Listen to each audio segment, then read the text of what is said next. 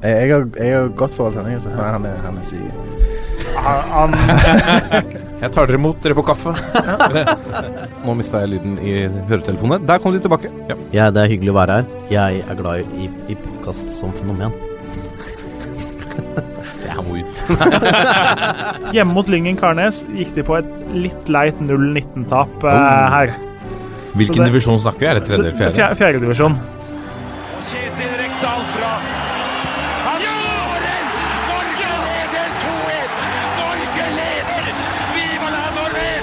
Og der er uh, toppfotball tilbake eh, igjen, midt i eh, Altså, det, det koker, det fyres i, i Fotball-Norge. Det er eh, pyro på tribunen, det er pyro i TV-studio. Det er eh, i det hele tatt god kok, og det er et par serierunder, to-tre serierunder igjen av fotballsesongen. Det er cupfinale skal spilles. Altså, i det hele tatt, vi er på bristepunktet hva gjelder, eh, hva gjelder norsk fotball. Det er, eh, det er eh, deilig, en deilig tid nå, Jørgen. Det er helt nydelig. Eh, selv om man jo Det er litt sånn bittersøtt òg, fordi det begynner jo å bli veldig lenge til neste sesong, da. Eh, så man teller jo ned og vet at snart er det slutt, og snart er det en lang ventetid. Ja, for du har begynt uh, nedtellingen allerede til neste sesong. Ja, Man begynner jo å se fram mot det òg. Klart, nedover i divisjonene så er det jo stort sett uh, slutt nå. Eh, det er bare toppen stort sett igjen, så da, da har man noe å glede seg til neste år også. Og vi skal gå gjennom uh, hva som har skjedd i årets tredjevisjon Det skal litt vi gjøre senere. litt senere. Det blir veldig spennende. Og så uh, må vi aller først Vi har jo med oss en, en ny, uh, nydelig gjest, uh, men aller først så har vi har vi altså en, en ny signering i denne, i denne toppfotball, toppfotballstallen. Ja, det er jo ikke hver dag. Det er vel to år siden sist, tror jeg. Så da Absolutt. klart vi måtte ut og forsterke stallen litt. Ja, så Når vi, når vi eh, går ut på markedet, så leiter vi etter noe som kan gå inn og forsterke oss, ikke ha et stallfyll. Eh, og da var vi nødt til å ta en ny tur til Akersgata. Eh, og da fant vi deg, eh, Vegard Bakkhaug. Veldig hyggelig å være her. Du er jo toppfotballvenn, for du har jo vært med tidligere. Eh, så det er ikke helt nytt for deg, dette. Men vi, vi hadde så suksess med rekrutteringen av Joakim Bårdsen fra samme avis at nå tenkte vi at uh, Vegard Bakkhaug er neste mann inn. Jeg så den signerings-emojien på Twitter i dag. Fikk jeg litt sånn følelsen av når Trea-keeperen har forlenga med et nytt år, eller Odd har fått ny sponsor på shortsen. Men, eh, men det er veldig hyggelig å bli spurt, og veldig hyggelig å være her. Hva kan du tilføre denne podkasten? Eh, det- Lytterne venter spent. Ja, eh, det blir jo, kan tilføre en del eh, kunnskap og innsikt om breddefotball, som dere jo har fra før. Så vi får se hvor mye, mye ekstra jeg kan komme med i forhold til Kjernås. Men eh, jeg skal prøve å bidra med mitt. Hvor mye ball eh, ser du i uka? Live t- tre, to, tre, fire kamper, kanskje. Det kommer litt an på menyen, men eh, noe i den duren. ja. Så er han jo også Vi andre sitter jo på ut, utsida stort sett og ser fotballen. Vegard kan jo se ting litt fra innsida i norsk ball òg. Absolutt. Fordi uh, nei, jeg har jo en liten rolle i Eidsvoll-turen som eh, gikk overraskende bra denne sesongen her. Endelig, etter noen litt tunge år. Så ja, jeg kan prøve å bidra med litt fra innsida på myrer, hvis det interesserer noen. Det vil jeg absolutt uh, tro. Det gleder vi oss til å følge med på. Og nå til uh, en av de mestskårende midtbanespillerne i Norges fire øverste divisjoner i 2019. Han er kaptein på Vålerenga 2 som 19-åring, så må han bosse rundt på alt fra jevnaldrende til nysigneringer fra Sverige eh, og gamle gutter i 30-åra. Nå krona han en eh, god sesong med opprykk til Post Nord-ligaen. Eh, han kom til Vålerenga fra Holmen som 16-åring, eh, og nå er han her. Brede Sandmoen, velkommen. Tusen takk for det. Hvordan er du, Dere skal ut i en viktig match, har jeg skjønt. Nå eh, Er det nå til helga? Det er nå til helga, ja. Det er eh, nasjonal liga-semifinale mot Brann. Ikke NM. Ikke NM, Nei. semi. Eh, selv om det er litt komplisert å forklare, så ikke NM. Fordi Hva er dette nasjon, den nasjonale ligaen? Det må, du, det må du forklare oss. Ja, det er jo eh, da vært et eh, Champions League-aktig oppsett, eh, der eh, man først er delt inn i puljer, og eh, hvor da to av de går videre til utslagsrunder à la Champions League, med borte- og hjemmekamp. Så eh, har vi kommet opp til semifinalen og skal spille returoppgjør mot Brann i Bergen. Men er det på. Brann stadion, eller er det på noe Ja, det, det tror jeg ikke. Nei. Eh, Det, jeg tror det er på en bane ved siden av eller noe sånt. Riktig. Så nå er det oppladningen til denne matchen. Men, den, er, den er tydeligvis viktig, fordi at til vanlig så spiller du på rekruttlaget i, i tredjedivisjon, men nå, nå går alle de beste ned på juniorlaget. Ja, altså tredjedivisjon er, er jo ferdig nå, så da, da er det bare denne nasjonale semifinalen igjen, og da satser man på å ta det. Veldig bra. Vi gleder oss til å bli litt bedre kjent med deg, eh, Brede. Det er spennende. Vi, vi har jo snakket mye om eh, etablerte, både tidligere og nåværende spillere. Det er interessant også å snakke med de som er på vei opp og fram. Eller hva tenker du, Vegard? Jo, absolutt. Eh, Jeg har jo sett Vålinga 2 en del i år sjøl og blitt veldig imponert over både det Brede og en del andre unggutter Jimmy der, så det gleder jeg meg til å høre mer om.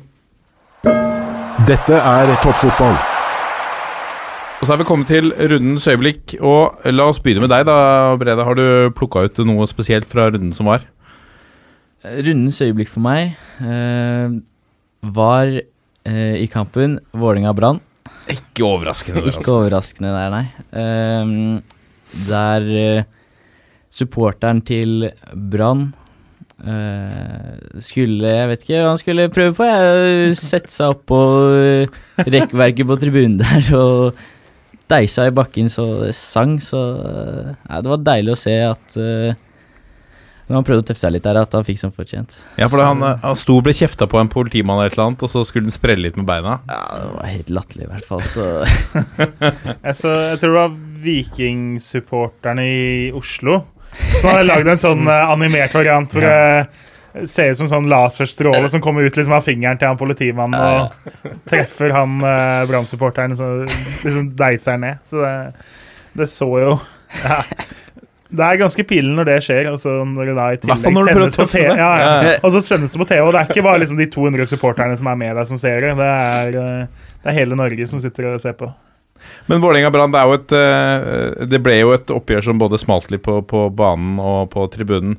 Det forholdet mellom de klubb, klubbene imellom, ser man Eller har dere litt de samme følelsene knytta til det oppgjøret som skal spilles nå? Eller er det som hvilken som helst annen motstander? Nei, altså, det er jo en semifinale. Så man går jo inn der med, med tanken om å, å, at man vil til finalen, så selvfølgelig. Så, så det er Man kjenner på trykket litt, det gjør man. Absolutt. I hvert fall eh, når denne uken her dreier seg om den kampen. Da, da bygger det seg opp frem til, frem til lørdag.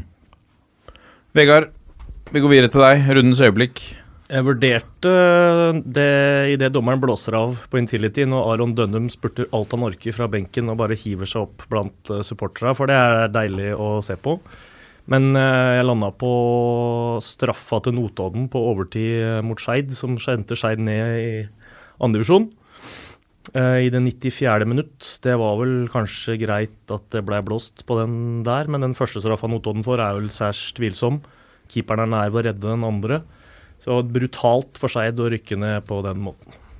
De har hatt, det må sies også, de har hatt eh, Nå hadde de den nå, så er det, er det forrunde eller runde før der hvor de hadde det frispark fra keeperen og en uh, scoring på overtid.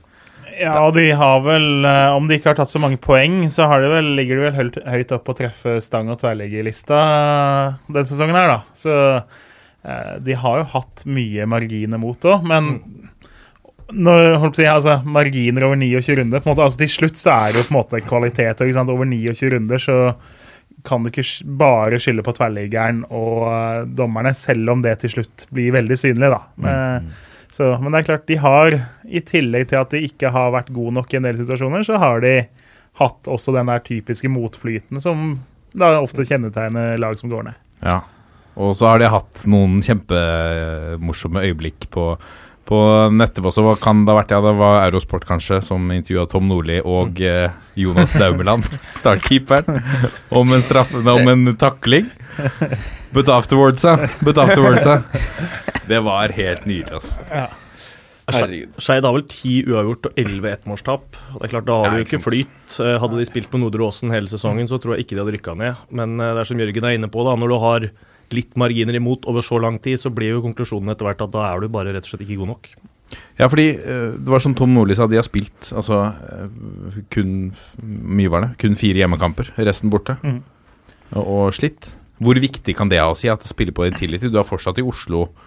Du er fortsatt i Ja, det blir jo en annen bane enn det du på en måte trener på en annen garderobe enn du er vant til. Altså, det er litt bortebane, hele feelinga, og det er en stadion som er veldig mye større enn det du har behov for. da. Eh, så det er jo noe med det liksom, være på hjemmebane og føle at dette er vårt fort, dette er vi vant til. Så eh, det har definitivt vært en faktor, det, som har gjort at sesongen har blitt eh, tung for dem. Ja. Og så koster det dem jo en del. Da. At de må betale for leie. De får ikke så mye inntekter som de ellers kunne fått på Nord- Nordre Åsen, som da igjen ikke sant, kan gå eksempel til å styrke en spillerstall på sommeren. Hvordan var det å ha Skeid eh, inne på hjemmebanen din, eh, Brede? Uh, ja, jeg var ikke så veldig mye borti de, akkurat. Men uh, det er jo som du sier, at uh, det er jo forskjell på, på Nordre Åsen og Intility. Jeg har jo spilt på begge, og mot Skeid på Nordre Åsen Det er ikke noe gøy. Det er en uggen bane å komme til, så sånn sett er det absolutt eh, Kan jeg se for meg at det har hatt en innvirkning på, på sesongen deres. Det veit vel du bedre enn oss fleste, men det kunstgresset på Nordre Åsen det er, vel, det er vel ikke siste generasjons, kan man si? Nei, det, det er ganske hardt og kjipt å spille på. Så Så det drar de fordel av, da, som de ikke får nå. Ja, nå ble vel, Det var vel en av faktorene også som gjorde at de faktisk måtte over på eh, å spille et annet sted. Så det er vel bytta ut nå. Det, Hvis ikke det, så driver de på med det ja. as we speak. Kjernås, da. Ditt uh, rundens øyeblikk. Det er jo en del å velge, da. Men uh, jeg tenkte jeg skulle gå tilbake til NM-semifinalen i Skien. jeg. Eh, hvor Sondre Tronstad, som jo har vært eh, Han er jo ikke en overskriftsspiller. Eh, men har hatt egentlig en veldig bra sesong i Haugesund uten å på en måte være den du legger merke til. da. Eh, og så plutselig får han noe sånn der Messi-fakter eh, på stillinga 2-0 der, og supporterne er i ferd med å feire. Og så alle andre omtrent ville liksom gått til hjørneflagget når han får det kastet ut på sida der. Men han kjører over en spiller og kommer seg forbi eh, på en tight vinkel og får liksom ballen inn fra en vinkel hvor du egentlig ikke skal score fra. Så, og ikke sant, da 2-0 OK, det kan skje at 2-0 ble henta inn. 3-0, da var det på en måte sikre. Så det er et nydelig punktum på en uh, veldig fin kamp for Haugesund. Og så overraskende, Odd har jo gått uten tap eh, hjemme hele sesongen. Mangler Torgeir Børven, og så kommer da tapet i semien. Så uh, Nå snudde de jo i går i serien mot Mjøndalen, men uh, uten den så kunne en fin sesong ha blitt et gedigent nesten i Skien. Ja, apropos den, der skal Det er fristende for meg å trekke fram som rundens øyeblikk, for det er vel også Det var andre ting som, som var mye større, men det var et eh, veldig viktig øyeblikk også. Fordi den skåringen der skulle vel strengt tatt aldri vært eh, godkjent. Det er vel eh, 3-2-skåringen, stemmer ikke det? Eh, som ble et selvmål. Men han blir jo klippa, eh, klippa over ende der eh, mot slutten. Så eh, synd for, eh, for eh, Mjøndalen. Det er jo Altså, de små poengene her er ofte livsviktige i bunnen, i hvert fall med så få kamper igjen. Nå har vel alle innrømma også at det, hadde, eller at det skulle vært blåst frispark. Senest i dag dommeren. Ja. Så det er klart det blir jo ikke noe mindre surt av den grunn, når Nei, du taper på en Og feilaktig dette er litt sånn Jeg trodde ikke dette skulle være en sånn type sesong for Mjøndalen. Hvor, for, det var litt sånn forrige gang de var oppe, så var det uh, ofte disse tingene her. Det var personlig feil, eller så var det litt marginer hit og dit og litt dommeravgjørelser. Det var på en måte, De blei ikke feid gulvet med som oftest. Men det er veldig synd for de nå, hvis det er dette de skal ryke på enda, en, enda et år. altså. Det er jo det. De har en tøff, eh, tøff program igjen nå, så Nei, det kan bli ned igjen på forsøk nummer to for Mjøndalen. Dette er toppfotball. Ja, Brede har hatt en veldig god sesong. Eh, Så han eh, har vi lyst til å signere og gi en mulighet til å få en AKA-kontrakt her. Det er en sånn utviklingskontrakt. og det, mm, Han skal få være med, og- være med og trene med A-laget i oppkjøringa. Og Så får vi se om han tar et nytt steg da. Men uh, han er en late bloomer uh, i forhold til fysikk og sånn, men har utrolig gode ferdigheter og har stått fram veldig på, på andredivisjonslaget. Så vi har mange fine typer som kommer bakfra nå. Ja, Brede, hvordan var det å høre sjefen snakker om deg på den, eh, på den måten? Han, han eh, skryter jo av deg og har litt eh, høye tanker om at du skal kunne slå hjem neste år. Nei, det er alltid hyggelig, det. Mm. Å få skryt, og særlig fra sjefen, da. Det er alltid greit. Så Ja, fordi du har jo en annen trener, det er Tommy Berntsen som er trener for Rekruttlaget. Men, men jeg regner med at de, man, man tar i litt ekstra i taklingene hvis Ronny Deila plutselig kommer på sidelinja under en trening, eller? Det er vanskelig å svare nei der, kanskje. Men, eh, men ja, det er Tommy Berntsen som er, eh, som er hovedtrener på rekruttlaget vårt. Mm. Så, eh, så det er han jeg har forholdt meg til mest i kamper og, og den slags. Mens uh, Ronny er jo big boss i klubben. Så selvfølgelig, du har jo alltid lyst til å imponere, uansett hvem som ser på av trenerne. Mm. Han snakker om at, eh, at eh, de ønsker å signere deg nå for eh, å knytte deg nærmere mot A-laget, og at du skal få en Være med, være med å trene med de for å, for å forsøke å ta nivå. Hvordan, hva tenker du om den muligheten? Nei, det er jo veldig gøy at uh, han sier det, og jeg har jo lyst til det selv. Uh, så jeg håper vi kan få til en bra løsning. Det er jo spennende med tanke på det Vi var jo oppe på Grorud og snakka med Grorud-trener Eirik Kjøne for et par uker siden. Og han var jo litt inne på det at eh, for toppklubba, det å satse på de spillerne som er nettopp i den alderen du er, da. Ferdig med junioralderen, eh, men fortsatt du er tenåring eh, litt stund til. Du er i startgropa av en seniorkarriere. At det er veldig lett for mange av toppklubba å gi opp de spillerne. Ok, han er ikke god nok når han er 19, eh, og så på en måte glemmer vi det. Men det er nok av de spillerne som når de blir 20, 21, 22 er klare. da. Så at toppklubba må på en måte ha en plan, ha litt tålmodighet for de spillerne som er gode, men som ikke har fått gjennombruddet sitt uh, i en alder av 19. For 19 er tross alt ungt til å være fotballspiller. Kjenner du igjen litt eh, Brede? For vi har snakket litt om det at nettopp det at det neste året nå er veldig viktig for deg for å utvikle deg som fotballspiller. At, at det å få tillit nå er eh, helt alfa og omega? Eller kan du like gjerne sitte på benken og få litt innhopp her og der? Er det det, dette, er, dette er jo et litt, sånn- ble litt sånn opplagt svar på dette spørsmålet, men, men det er litt sånn Er det Tror du at du har mer å vinne på å gå på et utlån til en førstevisjonsklubb kontra å sitte på benken på et A-lag? Uh, det er litt vanskelig å svare på akkurat nå, egentlig. Uh, det er plusser og minuser ved begge, selvfølgelig. Mm. Eh, så jeg tror det kommer litt an på, på eh, hvordan spilleren er. Um, og det kan være at for noen så er et utlån det beste, og mens for andre så er det å ha trygghet i, i egen klubb og, og komme litt mer inn den veien eh, det beste. Så, um, så det er litt vanskelig å svare på akkurat nå. Hvordan er du som fotballspiller, da, for de som ikke kjenner deg? Det er alltid lett å beskrive seg selv. Nei, det vet jeg ikke, men jeg liker bedre når andre beskriver meg. Men, eh, men jeg er en midtbanespiller. eh, ganske anvendelig.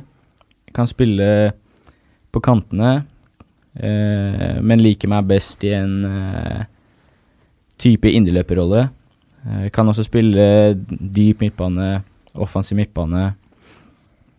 Ganske løpssterk og kreativ, produserer sjanser, og denne sesongen har det også blitt noen mål. Så ja, kanskje sånn. Hva slags uh, Har du en uh, har du et uh, forbilde som, som er litt samme spilletype som, som deg, da, som du ser litt opp til? Altså, det er jo så mange i disse dager. Men norske spillere, så kanskje, kanskje Skjelbred. Han, eh, han er, liker jeg veldig godt, og, og liker å Ja, har hørt i hvert fall kanskje at eh, man ligner litt i aspekter av spillet. Det er ikke noe dårlig sammenligning enn det. Per Silja Skjelbred var vel også i hvert fall altså, Han har jo blitt en, en veldig god fotballspiller. Han kunne vel kanskje blitt det, ingen som vet, kunne blitt enda bedre før han fikk den skaden i Champions League, eh, Vegard. Mm, definitivt. Det var jo forferdelig stygt. Men han har likevel fått en meget bra karriere, da, må man si. Han er jo ikke den som blir mest omtalt lenger, men uh, haugevis av landskamper, Champions League, mange år og fin status i Hertha Berlin. Det er eh, en meget respektabel karriere. Og jeg sitter også litt med følelsen at vi fikk ikke nok ut av Per Silas Skjelbred på landslaget, fordi vi spilte med han på, på høyrekant. Så han var ikke vår beste høyrekant. Nei, det er jo ikke noe tvil om at han på landslag ikke er den beste utgaven. Eh, vi kunne hatt av han. Eh, og så er det jo alltid sånn som trener, da, at eh, du skal disponere et lag på en best mulig måte, og da går det noen ganger ut over enkeltspillere som må spille i posisjoner de er litt svakere i. Men eh, Har du nok eh, midtbanespillere og få kantspillere, da, så må du gjøre et eller annet. Men det er klart Siljan som landslagsspiller husker man jo ikke noe voldsomt som, som en fantastisk spiller. Eh, så klubbkarrieren kommer jo til å være mye mer huska om 10-15 år fra han. Kanskje du ender opp i Bundesliga-breddet til slutt? Det hadde ikke vært feil. Hvilken liga er det du Det er også alltid vanskelig å svare på når du spiller selv, men, men har du alltid fulgt med på Premier League mest, eller er du en av de i La Liga- i La Liga-generasjonen? Jeg er jo i La Liga-generasjon, men uh, Premier League er det som uh, varmer mitt hjerte mest. Så uh, sett veldig mye Premier League opp igjennom. Og har jo laget mitt der òg. Manchester United. Så uh, følger mye, mye med på Premier League. Men du er vokst opp i, i Du er Vålerenga-spiller, kom til Vålerenga for tre år siden. Du er vokst opp i Stabækland i utgangspunktet. Altså vi, vi i dette studiet har jo eh, Stemmer ikke det? Holmen, Asker. Uh, vi i dette studiet har jo kritisert uh, både Vålerenga og andre klubber for å gå glipp av de talentene som er rett under nesetippene deres. Uh, nå, Vi snakket med Grorud, og der var det en Vålerenga-spiller, Oliver Edvardsen, som gikk til Grorud og deretter til Stabæk. Her har vi en, en uh, spiller fra Holmen som går til Vålerenga. Altså vi, eh, det er eksempler på, på begge deler, Jørgen. Det er jo det. Du har jo flere med deg på laget. Altså Sander Wernie er vel uh, født i Rælingen, eh, Mm, oppvokst ja. der. Så da kan man jo på en måte si Hvorfor har ikke Lillestrøm Det handler jo for veldig mange av dem om individuelle valg òg, ikke sant? Eh, I Oslo-området så har du flere toppklubber, og da blir det litt på hvem du føler passer deg mest, hva som passer best med skole og utdanning, eh, hvilket inntrykk du får av klubber og sånn. Eh, alle kan ikke havne i Vålerenga, og alle kan ikke havne i Stabæk, alle kan ikke havne i Lillestrøm. Det blir litt sånn på en måte at man tar buss eller T-bane eller blir kjørt litt på tvers av byen i Oslo. Eh, så på en måte, jeg syns det er helt naturlig at, eh, at det blir litt sånn i en så stor by. Men du signerte for Vålerenga, Brede, og tok eh, bussen eller banen sammen med Sander Berge til trening. Det stemmer. Har jeg hørt rykter om. Ja, det, det stemmer. Det var riktignok uh, når jeg skulle trene, trene med A-laget, for han var jo der. Mm, jeg og Sander eh, gikk på barneskole og ungdomsskole sammen, så Hofstad barneskole og um, Torstad ungdomsskole de, Der er det mange bra fotballspillere fra. Nei, men Sander er en veldig fin fyr, og han har lykkes i ung alder. Og gjør det veldig bra i Genk. Jeg trodde kanskje, som mange andre, at han skulle ta steget i sommer, men nå får han jo spille i regelmessig Champions League, så det er jo ikke Det er ikke så feil. dårlig. Det er ikke så dårlig når du ser hvem han spiller mot i kveld heller. Så Liverpool på Anfield, det er greit. Hva tenker du om at uh, Ronny Deila kaller deg for en litt late bloomer sånn fysisk? Driver du og Ligger du jevnlig i helsestudio og pumper vekter nå, eller hvordan er det du skal utvikle deg der? Nei, jeg tror alle som kjenner meg, eh, vet at jeg ikke ikke bruker veldig mange timer i studio. I hvert fall ikke har gjort det, men uh, altså det er jo hold i det han sier, så klart. Eh, Jeg er jo ikke den største, største på banen, men eh, samtidig så føler jeg at det, det passer meg ganske bra. Jeg kompenserer med andre ting. Eh, Jeg føler ikke at eh, at eh, jeg står noe tilbake for, for større spillere, heller tvert om. At man heller da har mer frekvens i bena og, og kvikkhet og kanskje må tenke litt kjappere og den slags. Så sånn sett så, så syns jeg ikke det er noe noe veldig negativt. Men selvfølgelig, man må jo legge inn legge inn x antall timer i, i, i studio også. Så det gjør man absolutt. Hvorfor falt uh, valget ditt på, på Vålerenga for tre år siden? Var det andre klubber som var aktuelle på det tidspunktet? Ja, altså Stabæk var jo, var jo på banen. uh, så Så det var jo vel egentlig de, de to klubbene det sto mest mellom. Eh, men som det blir sagt her, så, så hadde skoleløpet um, Treningshverdag fra første dag mye å si, da. Eh, Jeg følte at eh, det passet meg best, og jeg gikk jo på Vang, Vang toppidrett. Og eh, da passet det Det passet veldig fint uh, fint med hvordan jeg ville at hverdagen min skulle se ut. Og, og kom tidlig opp på juniorlaget i, i Vålinga allerede ett år før eh, de som er like gamle. Så, så jeg så veldig mange plusser ved Vålinga da, og jeg angrer ikke på at jeg, at jeg dro dit. Hvordan ser eh, hverdagen din ut eh, i dag, da, som fotballspiller? Nå er du ferdig med videregående. Stemmer. Ble ferdig før, nå før sommerferien. Så det var jo ganske deilig, men eh, Nei, men eh, hverdagen nå, den består av veldig mye fotball. Veldig mye trening. Pleier å, pleier å eh, stå opp rundt ni for å ikke bli for sen. Men så er det en frokost og, og lufte bikkja litt. Så etter det så pleier jeg å å ta meg en trening. Eh, alt ettersom hva man trenger. Kanskje man har spilt match eller den slags. Da kanskje man Jeg bor jo rett ved en svømmehall. Ganske fin ny svømmehall, så da kan man man ta seg en svømmetur der, eller eh, om det er joggetur, sykkeltur. Alt ettersom. Eller om det er en egentrening på banen. Og terpe litt på utviklingsmål. Og bare kose seg, liksom. Fotball er jo dritfett.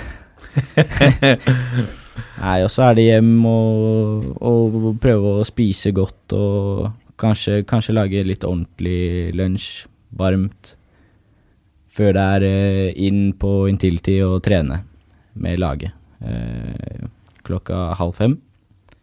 Etter det så, så er det hjem, spise. Eller så har jeg i disse dager også veldig, veldig flott kjæreste, som jeg liker å Trekke fram. Nei, ja. Skjæra til Vilma. Hun heter Vilma. Ehm, nei, så ja. Være litt med hun, være litt med venner. Mm. Prøve å ikke bare tenke fotball, selv om det er det det går i. Men hvor, Har du flytta for deg selv, eller bor du fortsatt hjemme mor og, hos eh, mor og far? Nei, jeg bor fortsatt hjemme hos, eh, hos mor og far, på gutterommet der, så det funker enn så lenge. Men vi får se, får se hvor lenge det blir. Hvis det blir A-lagskontrakt i Vålerenga, tenker du at du fortsatt kommer til å dra nytte av mors matlaging, eller, eller kommer du til å flytte nærmere stadion? Mors matlaging, matlaging blir man jo Det blir jo aldri feil. Nei. Så hadde jeg flytta for meg selv, eller når jeg flytter for meg selv, så blir det garantert noen turer hjem og smake litt på den deilige hjemmelaget eh, maten til mamma. Men, eh, men så klart, eh, dersom det blir uh, Vålinga i årene fremover, så vil det være naturlig å, å flytte fra Rede, eller, hvis det er det det heter. Ja, for du sier dersom det blir Vålerenga, er det eh, Har du lyst til å snakke litt om det, eller eh, For det er eh, Du står nå uten en proffkontrakt og skal signere muligens en kontrakt med Vålerenga. Ja, altså Vi er i samtaler. Eh, jeg er ikke Jeg vet jo selvfølgelig hva, hva de går ut på, men eh, Men jeg har veldig fine folk rundt meg som, eh, som hjelper meg og gir meg bra råd og snakker fint for meg, så faren min og Mikael Adampour, Norges beste agent Ehm, de tar seg av det, egentlig. Så jeg har lyst til å være i Vålerenga, i hvert fall. Det er det eneste jeg vet. Dette er toppfotball. Eh, Jeg tenkte på Hvordan er det å være sønn til en relativt profilert eh, fotballdommer? Merka du noe til at han liksom var i rampelyset ganske ofte når du vokste opp? Ja, det vil jeg, vil jeg si. Jeg har, jo, jeg har jo sett veldig mye tippeligakamper, som det het da, opp igjennom. Eh, sånn, eh, på min alder så er det jo ah, Jeg har ikke noe lag i, i Norge, eller jeg, er ikke- er sikker på norsk fotball, men jeg har sett veldig mye norsk fotball. Delvis fordi pappa er dommer, men også fordi man er veldig interessert. Um, så nei, altså, jeg har dratt nytte av det, vil jeg si. Uh, det er selvfølgelig ikke noe kult når uh, det har blitt skriverier om uh, fattern og den slags, men uh, Men jeg syns jeg har dratt veldig mye nytte av det, egentlig. Så um, Liksom brukt reglene, spurt litt, vært interessert. Uh, han har jo vært med på mye, så jeg har vært mye rundt og sett på matcher. Han var jo blant annet uh, Han var fjerdedommer de gangene Vålinga og spilte mot uh, Basha og, Ja. og Liverpool og sånn. da. Ja. Så det husker jeg, da var stas. Jeg tror det var Basha i, i 2009, på Ullevål. 7-0 eller hva et eller annet? Ja, jeg husker Ja. ikke. Men uh, Basha og, og Zlatan Ibrahimovic var uh, Da var jo ikke Messi og gutta De hadde vel forlenga sommerferie, men da Zlatan Ibrahimovic var der. Og da, da var jeg med inn i garderoben der, dommergarderoben, og så fikk jeg stå i gangen etter kampen. Jeg var så starstruck, jeg. Når Zlatan kom gående der, jeg turte ikke å gjøre noen ting, så bare så på. Men eh, nei, det er kult å ha en far som er dommer. Men var det sånn, hjemme hos oss så var det alltid sånn at hvis laget til fatters tapte en søndag, så da pleide vi ikke å se på fotball eh, ekstra, for å si det sånn. Da, da fikk mamma bestemme hva som skulle stå på TV. Var det sånn hjemme hos dere òg, at hvis liksom hadde vært noen kontroversielle situasjoner, så ble det heller Detektiven istedenfor Fotball Ekstra? Eller? Fordi dommerne fikk høre det i Fotball Ekstra, sånn husker jeg. Ja, ja, det, man har jo sett at fattern har fått litt, men eh, Nei, han var, ikke så, han var ikke så verst dommer, egentlig, så det gikk ganske greit. Jeg tror han i hvert fall var en av de dommerne som veldig mange spillere likte, da, fordi han eh, er en likende kar og på en måte snakka med spillerne og hadde en kommunikasjon Mm. som man satte pris på. Og da liksom, Alle dommere gjør jo feil i forhold til regelboka, det er naturlig. Men en dommer som du ikke kan snakke med, eller som oppfattes uberegnelig, det er det verste. Eh, Jeg tror ikke han var i den kategorien for noen spillere, da. Nei, det, det, tro- det tror ikke jeg heller. Jeg er ikke av den oppfatningen, i hvert fall. Så, eh, så nei, opp igjennom Jeg har prøvd å ikke kjøpte altfor mye på dommeren. Det skal jeg Ja, for det har påvirka deg litt. Du har, på, har du tenkt på faren din når du Han har vært litt tilbake, jeg skal ikke lyve, men eh, selvfølgelig når man er i match, så, eh, så er det følelser og adrenalin, og da kan det komme noen utbrudd i det. Du er kaptein på et, eh, på et rekruttlag som mønstrer alt fra vi var inne på det, juniorspillere til nye signeringer som må spilles inn til eh, rutinerte folk oppe i 30-åra. Hvordan, hvordan er det å være en del av et lag hvor det er litt sånn Det er litt gjennomtrekk mellom ulike spillere? Um, ja, det er sånn som du sier. Det er jo uh, alderssprik så det holder, holdt jeg på å si. Noen som, uh, som har vært i gamet i mange år, og så er det vi unge som, som er på vei inn i det. Uh, men uh, sesongen i år for oss uh, syns jeg har vært veldig fin. Um, og som å være kaptein i tillegg, det Jeg syns det, det er stas, og det er stort. Og det er et ansvar jeg tar på strak arm og syns er veldig, veldig stas. Samtidig så, så syns jeg at det har gått så bra i år, eh, med, i, med tanke på A-lagsspillere som kommer ned, eh, juniorspillere som spiller. Um, så så syns jeg det har fungert veldig bra, og det har føltes som om um, vi er ett lag, og at det ikke er splittelser, men, eh, men at de som kommer ned, faktisk gjør sitt beste og er motivert uh, og profesjonelle. Uh, så de fortjener all mulig hyllest, uh, særlig Erik Israelsson. Eh, Ja, for han har spilt mye rekrutt og lite Ja. A-lag. men ja. Nå har ikke jeg vært i det gamet her så lenge, men fy flate for en type. For en profesjonalitet han har i det han gjør. Det er bare Han, han har samme humør uansett, selv om han ikke spiller eh, på A-laget, så han spør om å få spille de kampene. Det er noen kamper han sikkert ikke skulle spilt, hvor han vil spille selv. Han klager aldri, gjør sitt beste. Nei, han, han fortjener mye, mye hyllest, og jeg er veldig, veldig glad for å ha vært en del av det laget, og særlig kaptein for det laget i år. Hvordan er det på Eidsvoll? Er det mye spillere som går fra A-lag og, og rekruttlag? Hvor, hvor ligger rekruttlaget igjen nå? De er i fjerde. Ja, ikke sant? Det er ganske tett, da. Ja, det er for så vidt det. Berga plassen helt på slutten med en litt sånn eh, litt råsterk sluttspurt, så kom vi oss forbi og berga plassen ved at Ullkisa 2 eller LSK2 ikke rykka ned. Det er jo litt kabal eh, nedover i divisjonene der på Romerike.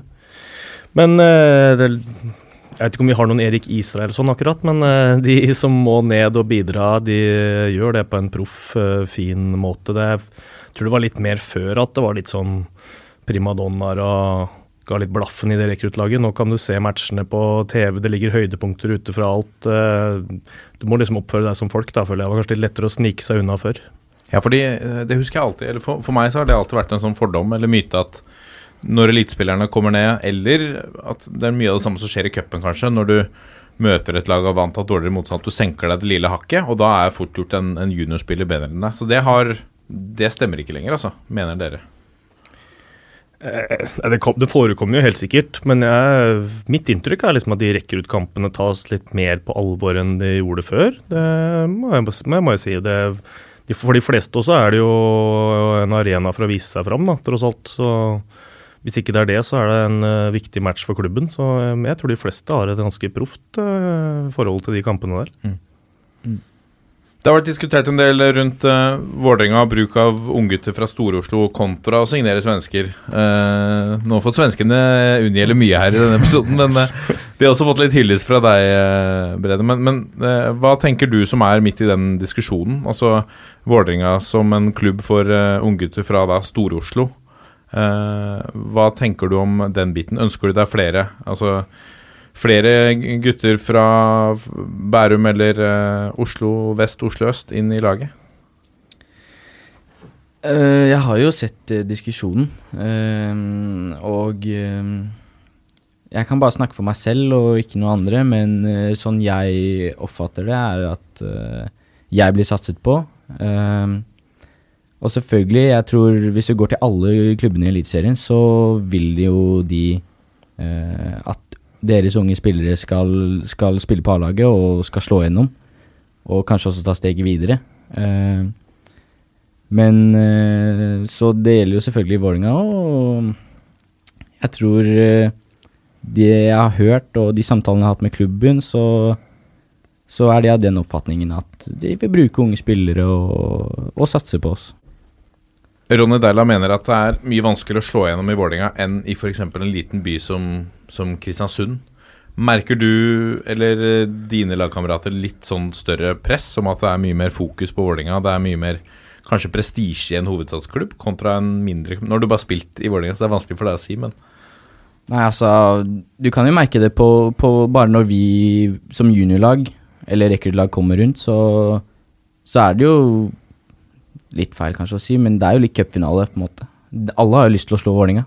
Mm. Eh, så sånn sett så, så merker man på det trykket rundt klubben, og, og at uh, klubben har en rik historie. Det er jo mange mindre klubber også som har det, men uh, at det er en profilert klubb, da. Og alle har lyst til å slå Vålerenga, så ja. Og så, Brede, nå er du fotballdiktator i NFF eh, for en eh, dag. Du kan bestemme noe uten at noen kan stoppe deg. Hva ville du gjort? Den er tøff, men eh, jeg ville kanskje dratt frem VAR, i hvert fall sånn som sesongen i år har vært. Jeg føler jeg har blitt snitt for veldig mange straffer, og, Ja, ja. Og eh, Så det har selvfølgelig Du irritert litt. personlig? Ja, i hvert fall når man er straffeskytter òg, Ja. så har man litt lyst på de, de enkle måla. Så var det jo toppkamp mot Ullern også, eh, der man scorer I hvert fall sånn, eh, sånn jeg ser det, scorer 1-0. Nei, nei, ble selvmål. Selv om ballen var på vei mot mål, alt sånn Fikk ikke den, altså. Så kanskje, kanskje at de hadde gått inn og sett på de situasjonene der. Det hadde Ja, Videodømming, rett og slett. kanskje videodømming. Du en, eh, går du lett ned i feltet, eller du, strever du med å holde deg på beina? Nei, jeg Du kan spørre hvem som helst. Jeg går ikke lett ned i feltet. Jeg holder meg på beina. For enhver pris. Og når jeg først går ned, da er det bare å peke på 11-meteren. Men er det, gjør du mye ut av det? Vifter med armene, skriker? Jeg gjør mye ut av meg hvis jeg ikke får det, Ja. tror jeg. Eh, ja. Da glemmer du at faren din er dommer. Ja, da, da går det en kule varmt. Det, Såpass ærlig må man være. Men nei, men eh, selvfølgelig. Det, all, dommerne nei, ser det jo sikkert ikke, da, men eh, ja. Kanskje jeg hadde gått inn og sett på video hvis jeg hadde kunnet bestemt. Så har vi også bedt deg om å sette opp din fire norske fotballstjerners middag. For du er en av stjernene. Inviterer tre andre norske stjerner. Hva Hvem ville du invitert? Det er kanskje kjedelig, men uh, første gjest er uh, Solskjær. Ja, riktig. Manager Med håp om en liten kontrakt der, at han har med seg Pitche inn litt uh, seg selv litt Nei, men uh, prøve å få litt inside i, i favorittklubben, kanskje. Så han har jo opplevd veldig mye. Mm. Så det hadde vært kult å høre noen historier fra, fra de glansdagene der. Ehm, så ville jeg kanskje plukka med meg eh, Hegerberg, faktisk. Ja. Ada. Eh, Hun er kåret til verdens beste fotballspiller, det kan jo ingen andre i Norge skilte med, så Så eh, ja. Hun hadde nok blitt invitert. Så har jeg en liten joker. Ok. Per Bredesen. Ja, nydelig. Litt, litt av navnet, men uh, mest av spilleren. Ehm, fra Horten, Italia-proff. Uh, har sin egen futsalcup, faktisk. Uh, for ungdomslag, guttelag, i Horten om vinteren. Vært med der et par ganger. Kommet til finalen, aldri vunnet. Med hils på Bredesen, da. Det, så han hadde også blitt invitert på, på middag hos meg. Dette varmer det. Nå tror folk dette er avtalt. Jeg er jo eh, Horten- Første jeg er- tenkte. Ja, ikke sant? Vi er, jeg er jo eh, Hortens eh, mann selv. Vi har jo hatt Per Bredesen, ikke i dette studio, men i det gamle studio. Hørt om den karrieren, kan jeg tipse deg om, Brede? Den episoden. En eventyrlig karriere. Absolutt. Men har du sett hvorfor Hvorfor Bredesen, da? Har du, du har jo ikke sett han spille så mye, eller? Nei, men eh, det er noe Det er noe med Brede-navnet, selv om det ikke er fornavnet. så det er en connection der, og så Og så har jeg hils på karen, så det hadde vært kult å høre, høre noen historier fra, fra profflivet den gang. Ja, ikke sant? Kan begynne med å høre på episoden vår. Det skal jeg. Um, Selda, har du noe hva, hva er din eh, Altså, du har jo en uh, Hvor lenge har du spilt fotball, egentlig? Jeg har spilt uh, klisjésvar så lenge jeg kan huske, Ja. men uh, jeg, jeg fikk en ball i fødselspresang, holdt jeg på å si. Det, det har alltid vært en ball der. Så eh, det har både formet meg som spiller, men også som person, tror jeg. Det har alltid vært uh, vært en ball i nærheten, og alltid vært uh, interessert i å spille og leke og ha det gøy og være med venner. Og um, ja. Kose meg. Du har ikke så lang karriere på, på, i voksenfotball, men, men uh, kanskje du har det likevel. Har du en eh, god fotballhistorie som uh, du vil dele med oss? Eller hva er ditt beste fotballminne fra karrieren din så langt? Det er mange. Ja. Det er mange. Fra det korte fotballivet. Men uh, selvfølgelig, man har noen eh, Noen veldig, veldig gode minner fra fra tidligere, tidligere år, og i Holmen spesielt. Eh, med klassekompiser og, og den slags. Så eh, noe av det største man har vært med på, det er eh, Dana Cup 2013. Da var jeg 13 år. Og vi gikk hele veien til finalen. Og på veien da så spilte vi kvartfinale mot, uh, mot uh, et lag fra Sør-Amerika. Nå husker jeg ikke helt hvilket land det var, men eh, Sør-Amerika. Og det kan ikke være de brasilianerne Nei, det var ikke de brasilianerne. Hva heter de igjen, da? Pequeninos. Pequeninos. Nei. ja. De som går hvite, alle kommer hvite treningsdresser. Ja. Det var helt klasse. Nei, det var ikke de. Det var eh, Det var eh, ikke fra Brasil, det var fra et annet land. Jeg husker ikke helt nå, fader, ass. Men Men vi spilte i hvert fall kvartfinale på en sånn trang eh, bane nede i Gjøring. Høyt gress.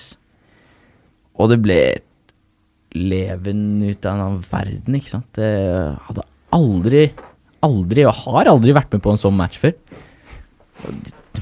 Mora til han ene sto bak keeperen vår og lagde hu og hei, og de takla som noen gærninger, ikke sant. Og lå jo strødd, vi gutta fra Norge. Og, eh, og så er det en eh, av de minste, for vi var jo ikke store guttene de heller, men det var en av de minste som bare grisetakler spissen vår ute ved sidelinjen. No, jeg har nesten ikke sett på maken, ass, men eh, han, eh, han ble jo liggende i mange minutter, og faren til han ene på laget. Så han jobbet i politiet, da, så han var ganske sterk, og han var ganske bra trent, faktisk. Så han bare løper inn på banen.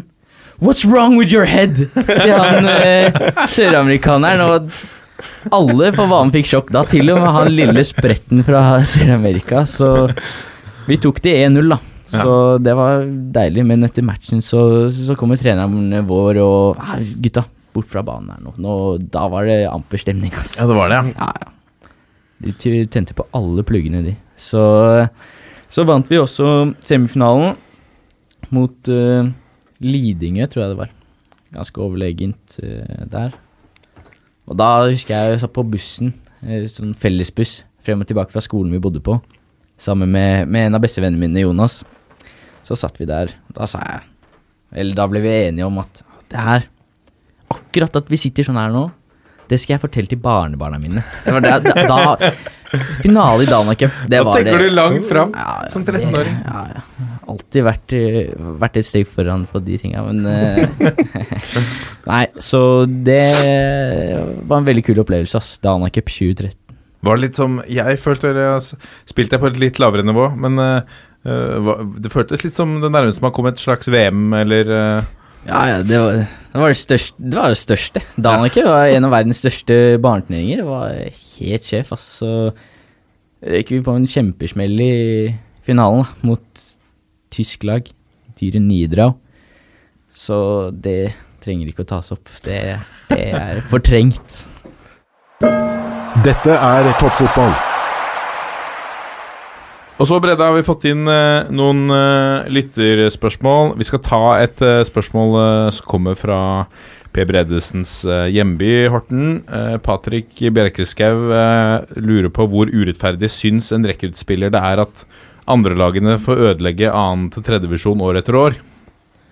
Oi. eh, ja, det vet jeg ikke helt, ass. eh, hva jeg skal si, svare på det. Men eh, hvis jeg kan snakke fra, fra vårt perspektiv, da, så syns jeg det, det er fint å, å spille i tredjedivisjon, andredivisjon-systemet. Og få matchet deg mot, mot, mot voksne lag, og sånn sett så syns jeg, syns jeg det bare er positivt. Fordi eh, det han også foreslår, er en løsning er å spille samme dag som resten av avdelingen.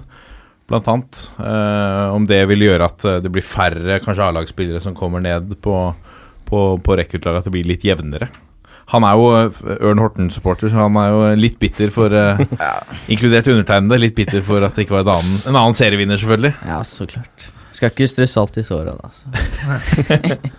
Men det er jo Altså, det er jo en evig diskusjon. Vi har jo tatt opp ganske mange ganger, eh, vi òg. Men det, Absolutt. altså, vi har jo landa opp på altså, Kampene må bety noe uh, for de unge spillerne. Lager du en egen annenlagsserie, så møter du jevnaldrende. Kampene betyr på en måte ikke så mye hvis du ikke kan rykke opp eller rykke ned. Eh, så det er jo det å få prøve seg i voksenfotballen for dem òg. Og så, så klart kan du si at kanskje kamper burde blitt spilt samtidig, men altså reservekeeperen trenger også matching av og til. da. Så det er dumt hvis reservekeeperen aldri får spille fotball fordi han må sitte på benken og har ikke noen annen arena å få spilt eh, fotball på. Eh, det er ikke noe lette, så det er, ikke sant, Du finner jo caser hvert år hvor noen har vært kjempeheldige eller kjempeuheldige fordi de møter et ekstremt ungt eller ekstremt sterkt annet lag. Og det, Jeg liker jo ikke det heller, men altså, til vi har et bedre alternativ, da, så er det på en måte det beste. Og nå er det jo tross alt regulert der med at du får ha bare tre stykker over 21 år. Eh, selv om noen stiller med fire av og til, selvsagt. Så, eh, så ikke sant, det har blitt bedre, eh, uten at det er perfekt. Men jeg tror det er den beste løsninga per nå som vi har for norsk fotball som helhet. da. Det vil spørre om, Hva spilte du den kampen da dere stilte med fire? Jeg spilte den i kampen. Hva, hva, når oppdaga dere at, at det var en for mange?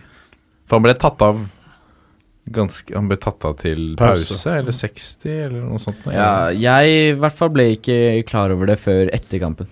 Nei. Så, øh, så ja.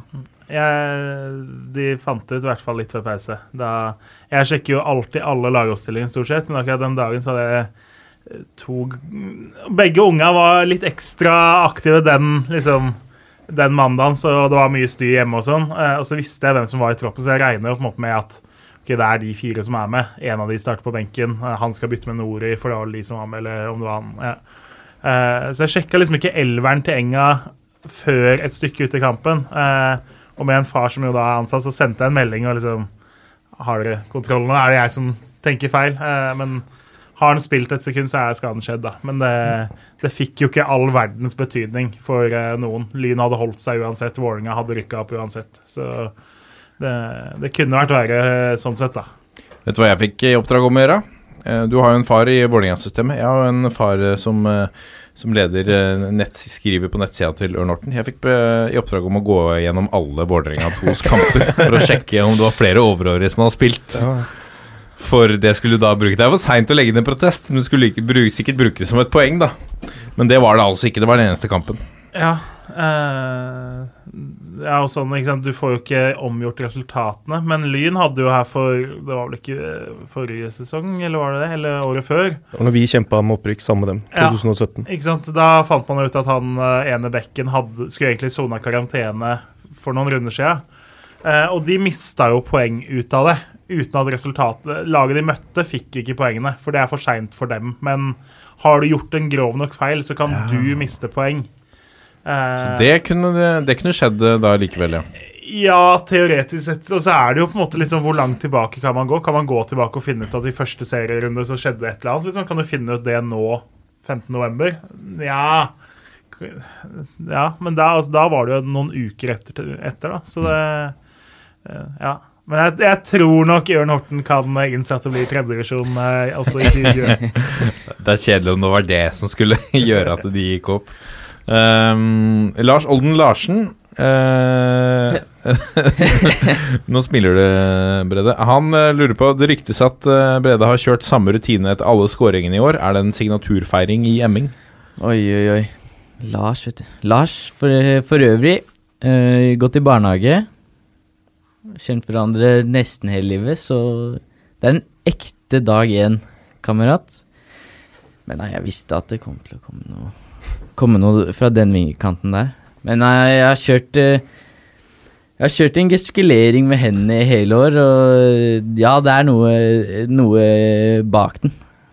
Men eh, de, de det gjelder, eller den det gjelder, den eh, er klar over det. Det har blitt, det har blitt en ny greie. Det er sånn Vidar Grønn Kjartansson, for han Ja. hadde jo den der eh, Var det sånn, eller hva han drev med? Jeg husker ikke. Dette er radio, du må forklare. Ja, han holdt, lagde en S omtrent, Ja. mener jeg husker. Og det var også sånn Ja, de som vet, de vet. Det var vel Martin Ødegaard hadde samme til kompisene sine. eller et eller annet. Ja. Det var hemmelig, de som vet, de vet. Det har blitt det nye, det, Brede. Sånne hemmelige greier. Man må være litt mystisk, vet du. Man kan ikke legge frem alle korta. Det er en liten etter Vilma, er det det? En W? Eller en V? Hun, hun skrives med enkel eh, V. Det, men, det er den, da. Pi-steinet. B-varianten. Det er ikke pisteinet heller, så eh, nei. De som vet, de vet. Stian Kjernås Dahl, er det fra din familie, Jørgen? Det er fra min familie. Det er fetteren eh, min. Så hyggelig at eh, familien bidrar eh, på mange mulige måter i denne podkasten. Må prøve på det, vet du. han sier årets gjest. Um, spørsmål én. Må kapteinsbindet fortsatt teipes fast, eller har bicepsen endelig blitt stor nok? er det en sann, sann historie? Nei, det er, aner jeg ikke hvor han har fra. Stian jeg aner ikke hvor han har det fra. Det, det har aldri måttet teipe fast, så Men det er klart, jeg får litt eh, Ja, kjørt litt eh, Kjørt mine bicepsøkter, det har jeg. Men eh, å For å få bindet til å sitte? Nei, nei, nei. nei. Jeg er for beachen, kanskje. Men uh, bindet sitter bra, det. Så det har det alltid gjort. Spørsmål to. Siste kamp i Eliteserien 2020. 93 minutter, 0-0. Tre poeng er lik gull. Vålerenga frispark fra 22 meter rett utenfor 16-meteren. Bård, Nakkim og Brede er på banen. Hvem skyter? Brede. Nakkim eh, Nakkim har kommet seg litt. Det skal han ha. Han eh, Jeg ga han to frispark eh, borte mot Reddy, og han fikk grei utdeling på de, så Men eh, siste året så har det ikke vært altfor få eh, frispark som har vært omsatt til mål fra undertegnede. Så eh, fortsett å øve på det, så eh, kan jeg se for meg å ta den. Kan ta den. Har det blitt mye frisparkmål i år? Det har blitt eh, en del frisparkmål. eh, i år. Eh, kunne sikkert vært flere, men Men jeg vet ikke eh, i hodet akkurat hvor mange det er, men uh, tror det er noe fem-seks, kanskje. Jo, du hadde 16 mål, kan det stemme, i serien? I tredjedivisjon hadde jeg 16 mål. 17 med det mot Ullern, da. Ja. Så Ja, så Riktig. må telles med. Rett skal være rett. Riktig. T-Stig, eh, med uh, siste lyttespørsmål. Når du ser hvordan ungdommen blir satset på, og hvilken utvikling de har, og hvilke klubber de ender opp i, burde du ikke dra til Bodø-Glimt du også, slik at du ender opp i en stor liga etter hvert? Bodø-Glimt har gjort det veldig bra. Eh, Jeg har jo, har jo Kjenner jo Håkon Evjen. Ja. Så veldig fin fyr. eh, veldig god fotballspiller. Eh, så all ære til Bodø-Glimt og, og han. for, for det de har fått til, og han har fått til. Så Bodø-Glimt er en Sikkert en veldig bra klubb å være i som ung. Brede Sammoen, tusen hjertelig takk for at eh, du kom. Du skal eh, løpe hjem og se på din kompis Sander Berge spille Champions League. Tusen takk for at vi kom med. Jo. Det var veldig hyggelig. Lykke til uh, i uh, Altså i, i, med, med, vin, med vinteren, må vi, må vi kunne si det. Når er det sesongoppkjøring og liksom de, de kanskje litt kjedeligere månedene begynner? Det begynner vel uh, rundt andre uka, januar. Så er det på'n igjen med lang preseason og Men det ser vi frem imot. Det, det blir bra. Det var et politisk korrekt svar fra Brede Sand. Nå kommer pulsen. Og så har vi kommet til uh, pulsen. Vi har sendt uh, Brede hjem til mor i sofaen, og her i dette studio skal vi ta for oss uh, tredjevisjon. Uh, vi, skal ikke gå, vi skal ikke gå gjennom alle kampene som har vært spilt. Vi skal heller ikke gå gjennom alle avdelingene i detalj, men, men eh, det er fint å kunne se litt tilbake på det som har skjedd, og, og eh, kanskje gå gjennom noen som har skuffet eller overrasket spesielt. Og eh, nå har jo du fått en forsterkning på breddesida, Kjernås. Nå er jeg faktisk i, i mindretall her, eh, og, og det, kan bare, det kan bare ende positivt. Uh, skal vi begynne med Vi må jo begynne da med, med avdeling 1. Syns ikke du det er en god idé, Vegard? Jo, ser veldig bra ut, tabellen her, ser jeg. For det, er, eh, det endte som eh, som Altså, eh, var det litt Hadde dere forventa det? Å, å gjøre det så bra i år? Det var det klare målet, Ja. så, men vi kan ikke si vi forventa å gjøre det så bra. Det ble jo en fantastisk sesong. eh, 68 poeng. Det må jeg jo si at vi er meget fornøyd med. Det var jo likevel nervepirrende ganske langt inn på høsten, siden Lørenskog hang så bra med som de gjorde. Så de ga oss en skikkelig real fight, men jeg syns jo Jeg må jo si jeg syns det er fortjent at vi lykkes etter, eh, etter noen mislykka forsøk. Jeg får ni poeng. Det tyder på at dette var fortjent, eh, Kjernås. Ja, men det var jo jevnt. Det skilte vel ett poeng før det var seriefinale mot nettopp Lørenskog. Eh, som jo da mista Ricky Alba til Fredrikstad dagen før. Eh, som jo da var en faktor også, som bidro til at Turn vant den kampen ganske klart i eh, målprotokollen, i hvert fall. Eh, og derfra ut så var det jo ikke så mye tvil, selv om eh, man hadde jo noe, altså Sarpsborg stilte jo OK, ikke sant? kunne vært en min å gå på der. Man tapte jo faktisk hjemme mot Ålesund da det var egentlig duka for opprykksfest og sånn. Så. Men klart det var bortekampen mot Lørenskog. Da den ble vunnet, så var mye av jobben gjort. Eh, og så er det jo noen som ikke er så glad for hvordan bunnen av tabellen ser ut her, da. Er klart Årvoll det ble et eh, voldsomt tungt år. To seire og totalt tolv poeng. Det, eh, jeg hadde ikke trodd det skulle gå så dårlig, men det Årvoll rykka opp med ekstremt mange gamle spillere som har spilt høyt opp i divisjonene, og nesten alle ga seg eller har vært med lite den sesongen her. Så med et nesten helt nytt mannskap så blei det litt som venta. Eh, At Sunndal også går ned, er ikke noe overraskelse. Og så var det veldig jevnt om siste kampen. Da var det nesten en rein nei, Nei, siste plassen ned.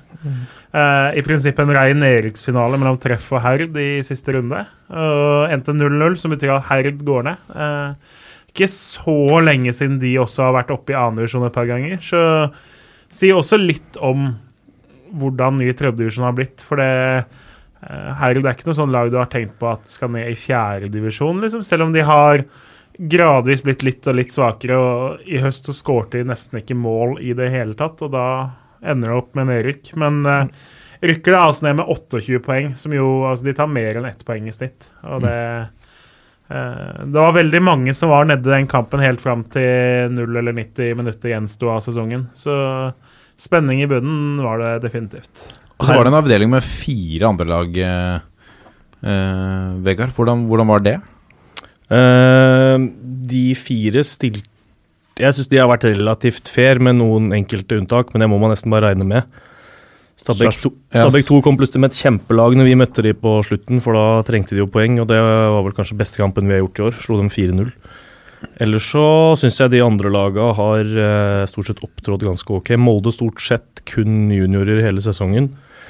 Ålesund 2 mye det samme, to-tre innslag fra fra Asdalen.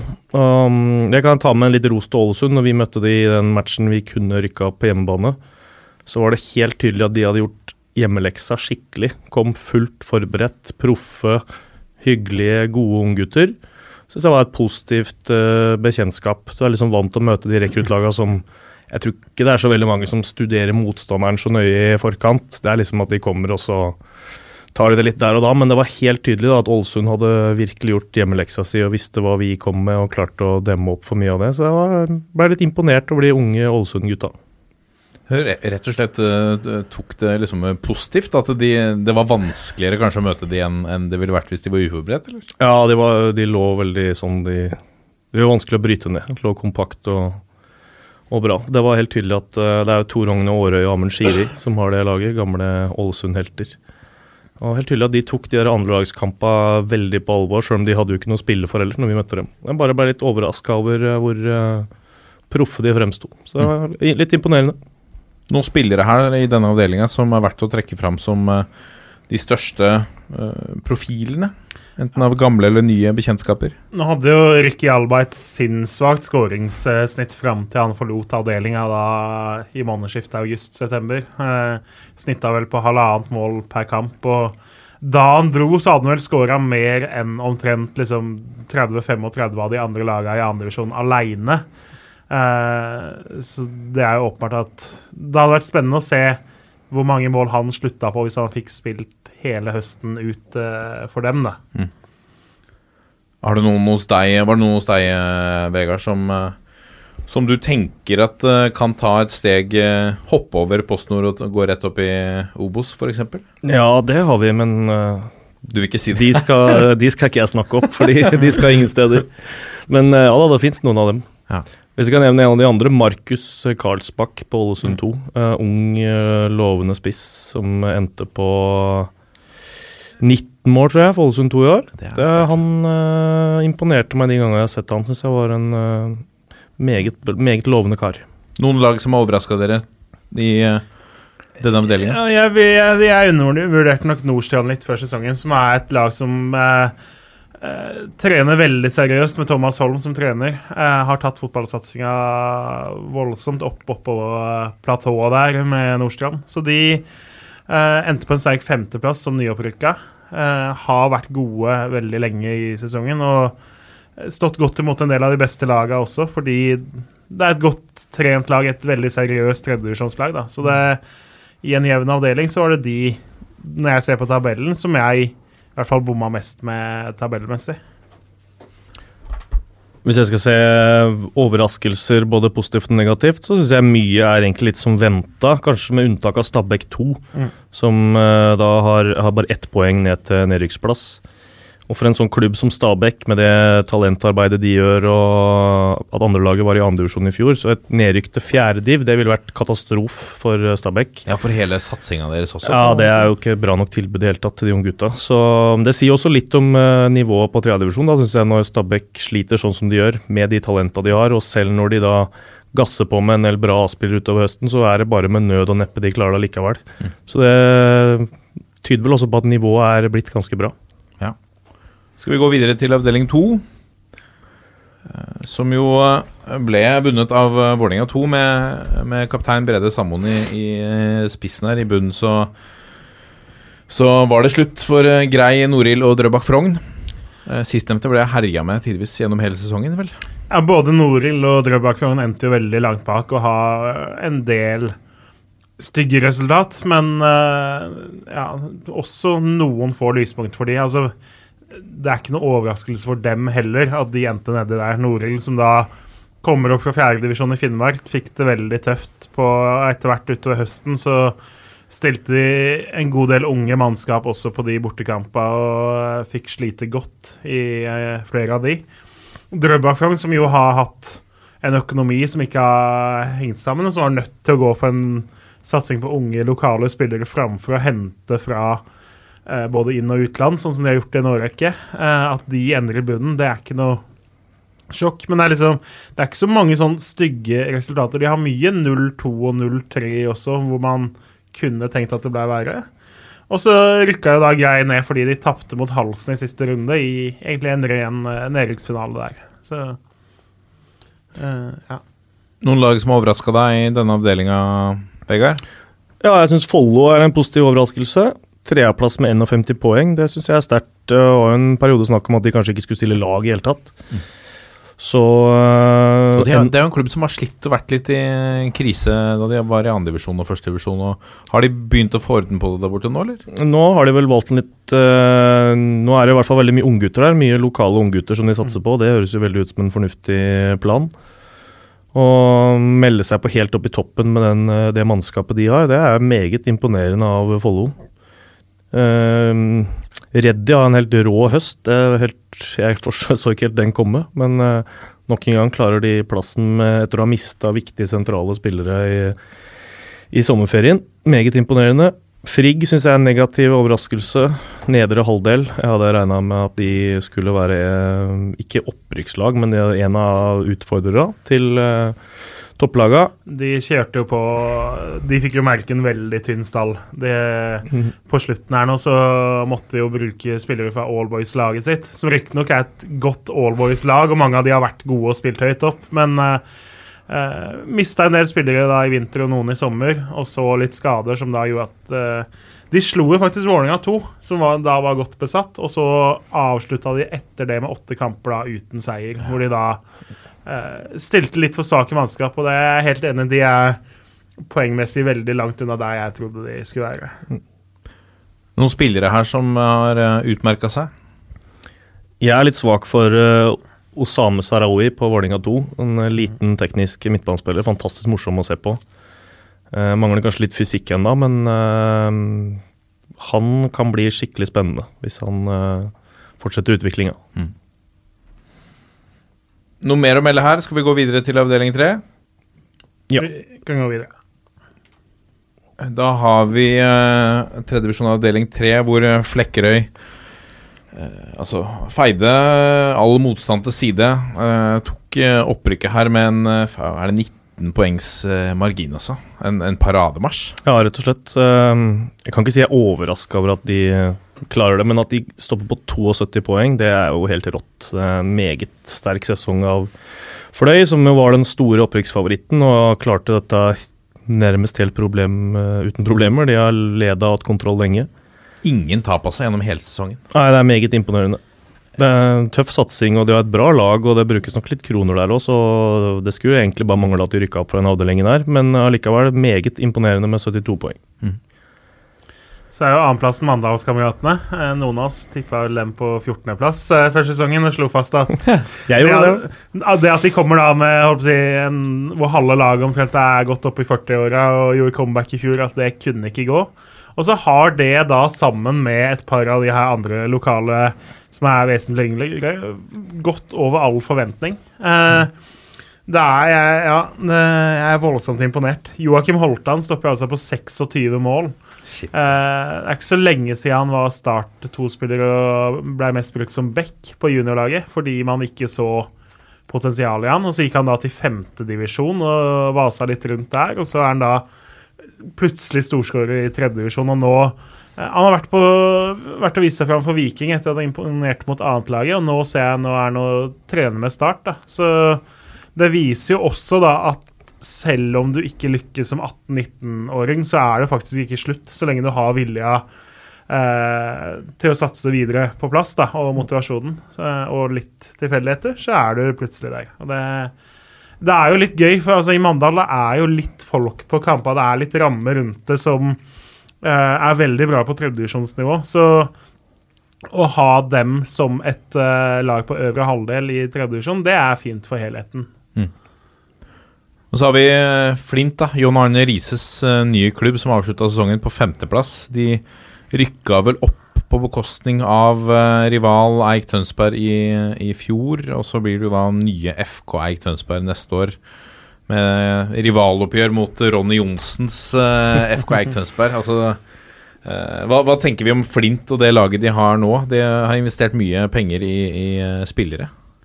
Ja, nå hadde de en vesentlig tyngre høst da, enn det de hadde i vår. Eh, og trener Morten Rom, som jo da ga seg tidlig på høsten i tillegg. Så eh, på høsten så så de ut som et, nesten som et bunnlag i tredjedivisjon. Eh, på våren med bl.a. Adrian Krysian på topp, som jo skårte veldig mye mål.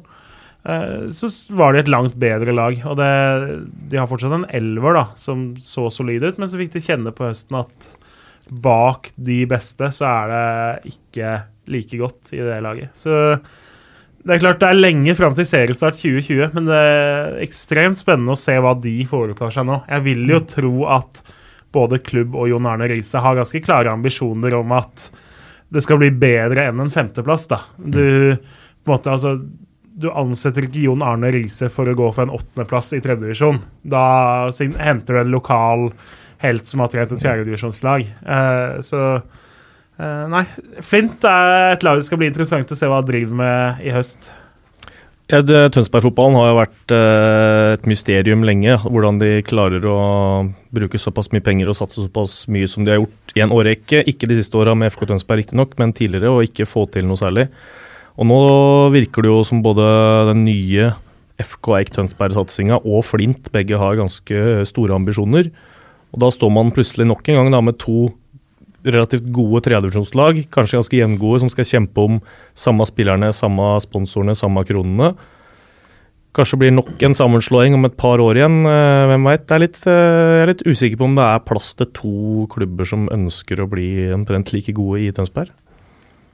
Vanskelig, å, vanskelig å, å, å si det, selvfølgelig. Jeg tror man har gjort noe veldig riktig. Man har tatt inn Eik-navnet igjen, og, og, og at det skal bli flaggskipet for, for mange der. Og så er det, er det sikkert en blanding der også av litt vonde følelser knytta til den gamle storsatsinga FK Tønsberg, som har gjort at Flint har vokst eh, litt uh, fram igjen. Så det, er jo, det er jo også veldig spennende å, å se på den eh, hva det kan gjøre med fotballkulturen. Det at du har to lag på et så høyt nivå som kjemper kanskje potensielt til og med i samme avdeling. Ja, Eh, nå, De havna jo ikke i samme avdeling i år, fordi for et års tid siden så snakka jo Flint og FK Tønsberg om å slå seg sammen. Eh, og Da var det ikke helt sikkert hvordan de skulle gjøre det med to plasser i tredje divisjon, så derfor ble de plassert i hver sin avdeling. Uh, nå så er det jo ikke de planene, så de kommer jo 100% sikkert i samme avdeling i 2020. Eh, s- som nøytral til Vestfold-fotballen så gleder man seg jo til de kampene. Eh, det er jo Hvis det kommer noe overskrifter i VG eller på TV 2 fra terminlista for tredjedivisjon, så er det jo når lagene til Ronny Johnsen og Jo- Jon Arne Riise møtes. Det, det er ganske sikkert at den kampen blir godt dekka eh, av mange. Det må jo være den mest profilerte trenerduellen i tredjedivisjon noensinne, hvis man ser på spillekarrieren deres. Ja, det må det være. Ja. Det er klart, vi snakker Champions League-vinner Ja, ja. som har flest landskamper Ja, er for Norge, sant. mot en annen Champions League-vinner som har veldig mange landskamper og opplevd mye. Det, det er jo ikke så mange spillere over de to på lista i norsk fotball, så da Ja, det, det tror jeg vi kan slå fast. Så er vi helt i bunnen her, da. Storms uh, BK med uh, stakkarslige ni poeng, og, og Joakim Bårdsens uh, gamle klubb Vardeneset, eh, sammen med Bryne 2, som må da ta steget ned et nivå.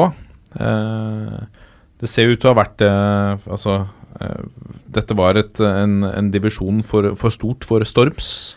Ja, Uredd rykka fra telemarksavdelinga i fjor og tok veldig mange, få poeng og datt rett ned. Eh, og så gjør Storm det samme. Så eh, telemarkslagene fra fjerdedivisjon har fått en tøff reise. Og det er klart det var mye turer bortover til Rogalandsområdet for dem òg, som ikke gjør det noe lettere. Eh, Vardenes og litt sånn mye gode ballspillere, men kanskje ikke det laget i tredjedivisjon som tar det mest seriøst, og som føler at de må være i eh, tredjedivisjon. Så det er ikke noe sånn at gardina går helt ned fordi de må ned i fjerdedivisjon. Uh, en del av spillerne syns kanskje det er helt OK også å få litt mer lokale turer. Og Bryne 2 stilte OK en del kamper i starten, og så har det vært ekstremt ungt i høst når de har hatt all fokus på å redde plassen i andredivisjon. Så eh, de lå jevnt lenge med bl.a. Start 2, men der Start 2 da kommer med U-landslagsspillere og proffspillere henta fra Afrika, så stiller Bryne 2 med 16-åringer og 17-åringer som er henta fra Klepp og eh, Uh, Så da, da blir det sånn. Uh, jeg tror ikke de heller gråter veldig mye for at uh, det ble utfallet. For Bryne 2 sin del så vil jeg vel også tenke at det er vel nesten like greit å spille i fjerdedivisjon der borte. Sikkert en helt OK arena for de unge gutta, uten at jeg kjenner den fjerde divisjonen der ut og inn. Men å reise ganske langt annenhver uke og få juling det, i en tøff tredjedivisjon, det er ikke sikkert eh, det er så stor verdi. Uh, så Storm de slo vel Porsche borte i høst, hvis jeg ikke tok helt feil? I det, det derbyet ja, der? Det var, og Storm Porsche var vel en av tredjedivisjons best besøkte kamper òg. Jeg tror de hadde 1400 eller noe på den ene kampen. Mm. De fikk slått faktisk eh, Porsche, da. Og det, mm. det, tror jeg er det de tar med seg fra denne sesongen. Ja. ja. I tillegg så møtte de vel De møtte vel Odd i cupen, gjorde de ikke det? Jo, det tror jeg de gjorde, ja. Så de har jo faktisk møtt Odd i cupen og slått Porsche i serien. Så selv om de står med ni poeng, så er det ikke noe helsvart år uh, likevel. Absolutt ikke. Skal vi gå videre til avdeling fire? Uh, Vard Haugesund tok altså, Det er mye klare uh, Det har ikke vært så mye jevne uh, toppkamper helt ut her. Vard Haugesund også ni poeng ned til Lysekloster på annenplass. Vard Haugesund sikret seg opprykket. Lysekloster er det fortsatt Det er jo en av de, de klubbene som vi har snakket om hvor det har vært mye friske penger. Hvor det har gått hvert Nå ser det ut til å gå ok med de, men de hadde kanskje forventet å rykke opp? Ja, det, altså med den satsinga der, så er det ikke for å ligge i toppen i tredje divisjon. De ville opp igjen. Det, de fikk seg én sesong i andre divisjon. Eh, da var, Det var vel den sesongen det ble kutta fra fire til to avdelinger, tror jeg. Så da forsvant de ned igjen. Og så har de vært nære på uten å klare det. Men uh, Djerv 1919 hang jo med Leda jo veldig lenge.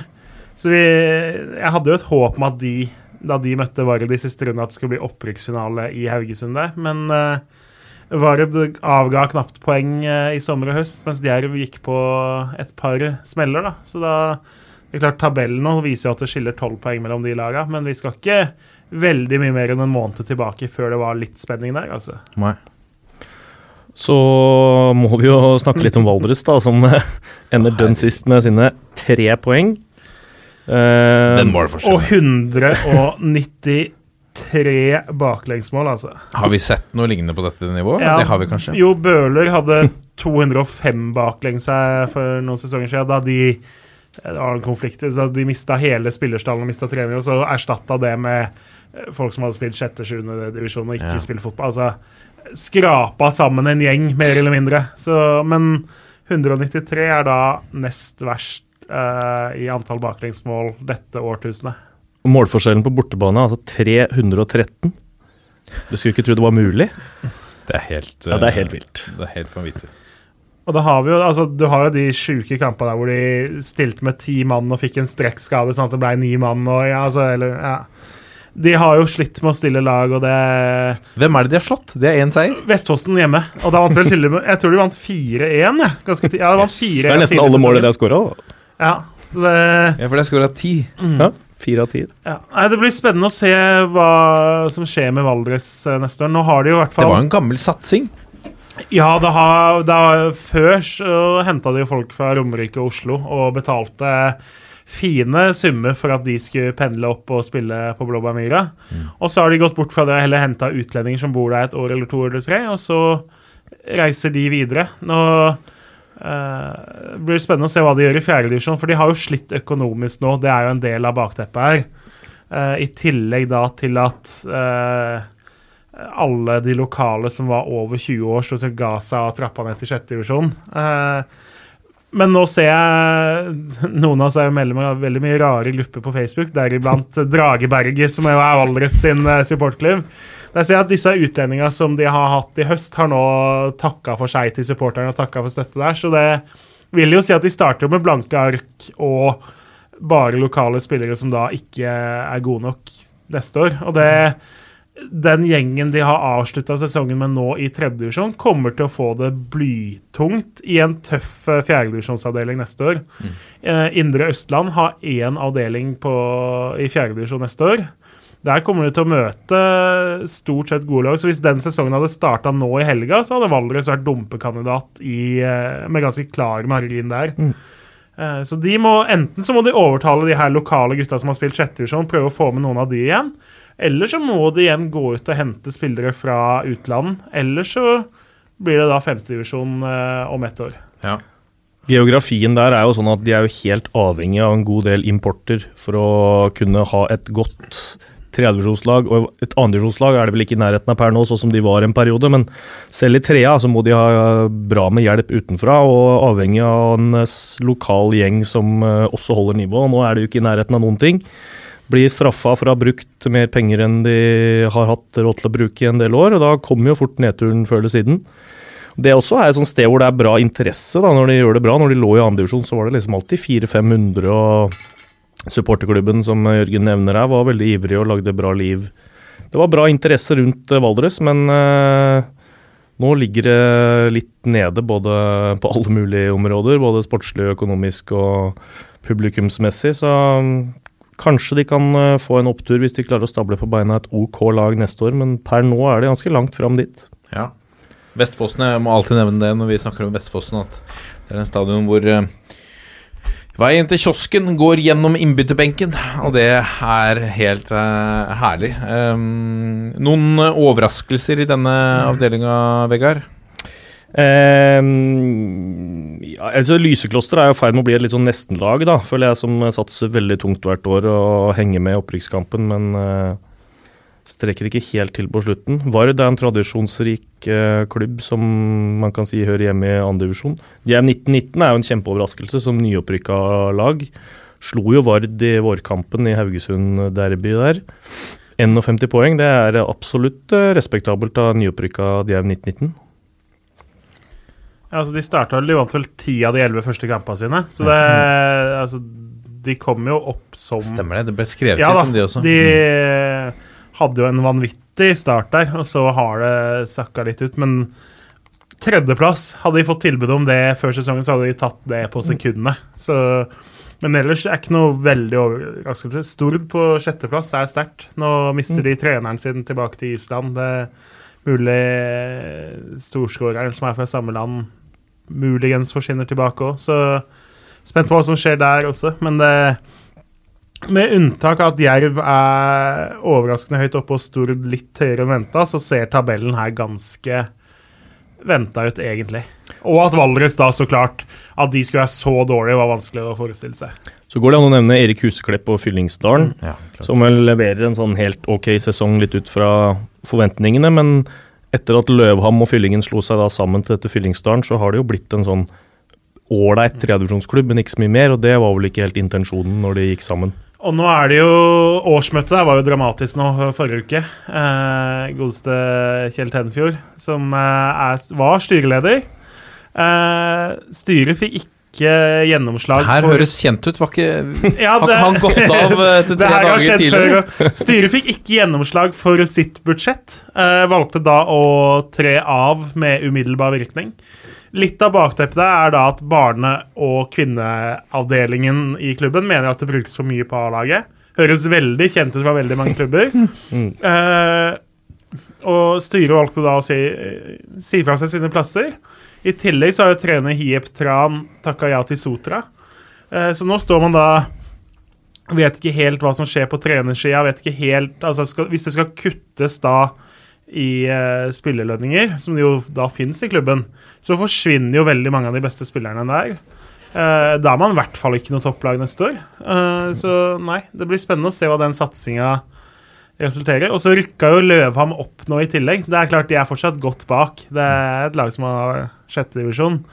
Uh, men ja, kanskje om ti år så eh, er Løvan tilbake isteden. Det hadde jo vært litt sånn gøy sånn, på et sånt fotballromantisk vis, da.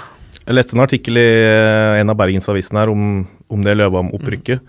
Hvor da noen av de gamle ildsjelene som var med på Løvams forrige vei opp i toppfotballen, eh, ble intervjua igjen. Og sjøl om de svarte litt sånn nei, det er langt opp og nei, det vi får se, så kunne man se litt mellom linjene at uh, her var det litt, uh, litt ambisjoner med å få gamle Løvham litt opp og fram igjen. Det er jo De har akkurat slått seg sammen. Skal de kjøre på dette enda en gang? Altså nå, ja, når, Det har jo skjedd i Tønsberg også, da, for så vidt. ja, altså det kan jo skje. Eh, nå er det vel De rykka opp fra sjette til femte, så det vel. Eh, så da skiller det to divisjoner opp til eh, Fyllingsdalen. Det Hvordan har den gamle helten eh, Erik Huseklepp, eh, Portugal-dødaren, gjort det, da? skåra bra med mål, i hvert fall. Ja. Men eh, jeg har ikke sett dem veldig mye. Det er jo en av avdelingene hvor lite sendes på direktesport. Så eh, definitivt den avdelinga jeg har sett færrest, klart færrest minutter av den sesongen her. Ja. Trekke fram noen profiler, eller skal vi eh, gå videre?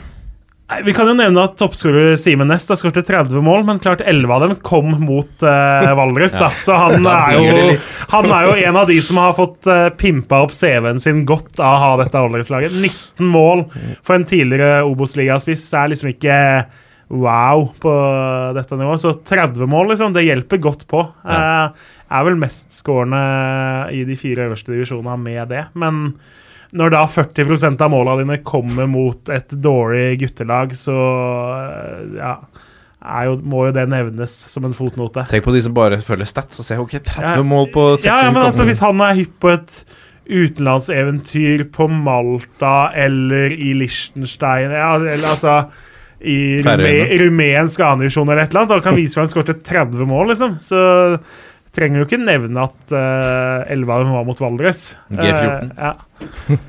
Jeg, vil, jeg ville jo ikke gjort det hvis jeg skulle prøve å selge meg inn hos en eh, klubb. Nei, ikke sant. Uh, vi går videre til avdeling fem, og Rosenborg har tatt eh, gull. Eh, det blir vel deres eneste i år. Rosenborg 2 altså seriemester med 14 poengs margin ned til eh, Strindheim. Hvordan har eh, denne avdelingen vært? Nei, altså Både Ranheim 2 og Gjøvik-Lyn hang med ganske lenge, og så har begge gått på litt for mange smeller på høsten, mens Rosenborg 2 knapt avga poeng eh, eh, etter at snøen forsvant. Så eh, Rosenborg 2 er jo et av de lagene som veldig sjelden har stilt med A-lagsspillere. Det har gjort det i noen av kampene, bl.a. mot Ranheim 2 og litt andre caser, men det eh, det er ganske få minutter eh, med fotball som er spilt av spillere over 20 år da, på det laget. Men uh, det er jo noen kjente navn der. Altså Philip Brattbakk, blant annet, har jo uh, spilt på topp og ser ganske bra ut. Så har vi jo den framtidige publikumshelten Fra Franklin Daddy's Boy i en tue. Ja, det, han spiller uh, Rosenborg 2, han. Ja, som har også Theodor Haltvik òg, som jo vel er nevø, tror jeg. Eller no, det er noe i familien til Trine Haltvik. Eh, så det er en navnekjær gjeng som har vært på topp der, da. Og det, de kampene jeg har sett av dem, så har det, som Vålerenga, vært eh, et lag som har hatt lite fysikk, men haugevis av fotballkvalitet. Som har spilt bra, som har kjappe spillere, som har tekniske spillere, som har godt overblikk. Eh, det er som å liksom Det er som å møte en gjeng med sinna mygg, da. Eh, du, du får på en måte ikke hvile. Du kan ikke ta dem på fysikken som eh, rutinert spiller fordi de er for kjappe, for kvikke, for smarte. da. Eh, så trilla over motstanderne etter hvert. Dan Alexander Olsen, tidligere Tottenham og Valencia. Har han vært å finne i Gjøvik-Lyn i år, eller? Ja. Ja. Han har det, men han er vel ikke den mest fremtredende der sånn målemessig lenger. Det er jo Rocky Lekai Ja. Som har dominert Gammel, Wed han, han var- i Wednesday og Sandefjord og Sheffield Wednesday. Ja. Ja. Der han eh, dro, dro ut tidlig. Stemmer. Nå, han bodde jo noen år på Raufoss og er nå liksom tilbake i de traktene der. Um, jeg tror jeg skrev i den analysen min av den avdelingen her før sesongen at det ser ut som en haug med lag du har lyst til å tippe på femte, sjette og sjuendeplass. Mm. Og jeg syns liksom det er litt sånn det blei òg. Det skiller veldig lite mellom eh, si Kolstad på fjerdeplass og ned til Melhus Tiller nesten nede i nedrykkssumpa, så skiller det seks poeng. Og sånn har den trønderavdelinga nå vært alle Mm. årene. At eh, fra Nerik opp til andre, tredje, fjerdeplass så har det vært ekstremt jevnt. Så Mm. eh, nivået ja, det, altså, det skal ikke så mye til. Altså, Strindheim har kommet seg opp på annenplass, som nyopprykka. Det- Men vil jeg si at nivået er svakt, Vegard? Tenker du? Nei, ikke nødvendigvis, men det er jo veldig mange åpne matcher. da, Mange lag som kan uh, slå hverandre. Eh, at Verdal og Steinkjer uh, Steinkjer i særklasse, da, at begge de to rykker ned og gjør en såpass dårlig sesong, det syns jeg var litt overraskende. To tross alt klubb med ok tradisjoner, i hvert fall på et sånt annendivisjonsnivå. Og Steinkjer ned, på, ned i fjerdedivisjon, det er vel Det er lenge siden det har vært. Mm. Så, lavt, så langt nede. Orkla, kjedelig for Nils Arne Eggens gamle klubb å rykke ned. Hadde ville jo heller hatt de i tredjedivisjon enn Kongsvinger 2, f.eks. Og Raufoss 2. Ellers så veit jeg ikke om det er de eh, laga fra nord i Trøndelag som de, for meg er de største overraskelsene her, da, negativt sett. Ellers mye som forventa. Ja, nei, så, var det jo, så hadde man noen lag altså Nybergsund visste man jo ikke hva man skulle vente av, fordi de henta vel 16 nye utlendinger før sesongen. Så det er eh, umulig på en måte å si på forhånd hvor gode de skulle være. Er det Eh, fortsatt, fortsatt Michael Schumachers eh, penger som går varmt der oppe? Han har vel litt andre ting å bruke ja, Men altså, de har jo fortsatt en satsing, og nå blir det jo ikke lokaloppgjør mot Trysil FK, da, sånn som det så ut som. Eh, som har litt av det samme at de har jo henta veldig mange spillere med fortid i Nybergsund, men klarte jo da ikke å slå Toten i opprykkskampen. Tapte på bortemål for dem. Eh, men Nybergsund starta jo svakt, og det var litt sånn Oi, skal det faktisk dette ned enda en divisjon? Men så har de heva seg og blitt bedre utover sesongen, de òg. Så slipper de vel å bytte hele laget den vinteren her, da. Mm. Men ja, det, det er som du sier, Vegard, det er ganske jevnt og tett mellom eh, veldig mange av lagene. Jeg hadde jo jeg hadde trodd Tiller og Brumunddal skulle være hakket bedre, men det er ikke noe sånn å kalle dem skuffelse. De leverer en helt OK sesong, begge to. Eh, men det er ja, også Strindheim, da, som er den store overraskelsen. De blir altså nummer to. De avslutta vel med ti kamper uten seier, vant vel åtte av de ti siste, eller noe sånt nå. Så det er jo gøy. Jeg har tilbrakt mye tid på Myra og sett uh, fotball uh, fra den tida da Gjermund Aasen var en sånn ung, litt uoppdaga diamant, i hvert fall. Så, og har en onkel som er veldig, veldig glad i den klubben. Så da syns jeg det er gøy at de da igjen er med, uten å måtte ned i fjerdedivisjon, hvor de har vært eh, et par ganger nå. Med John Pelu som trener, er det ikke det? Ikke minst. Legenden. Legend, ja da, eh, legende. Får ikke krampe lenger, kanskje. Ikke like hyppig. Vi går videre til avdeling eh, seks.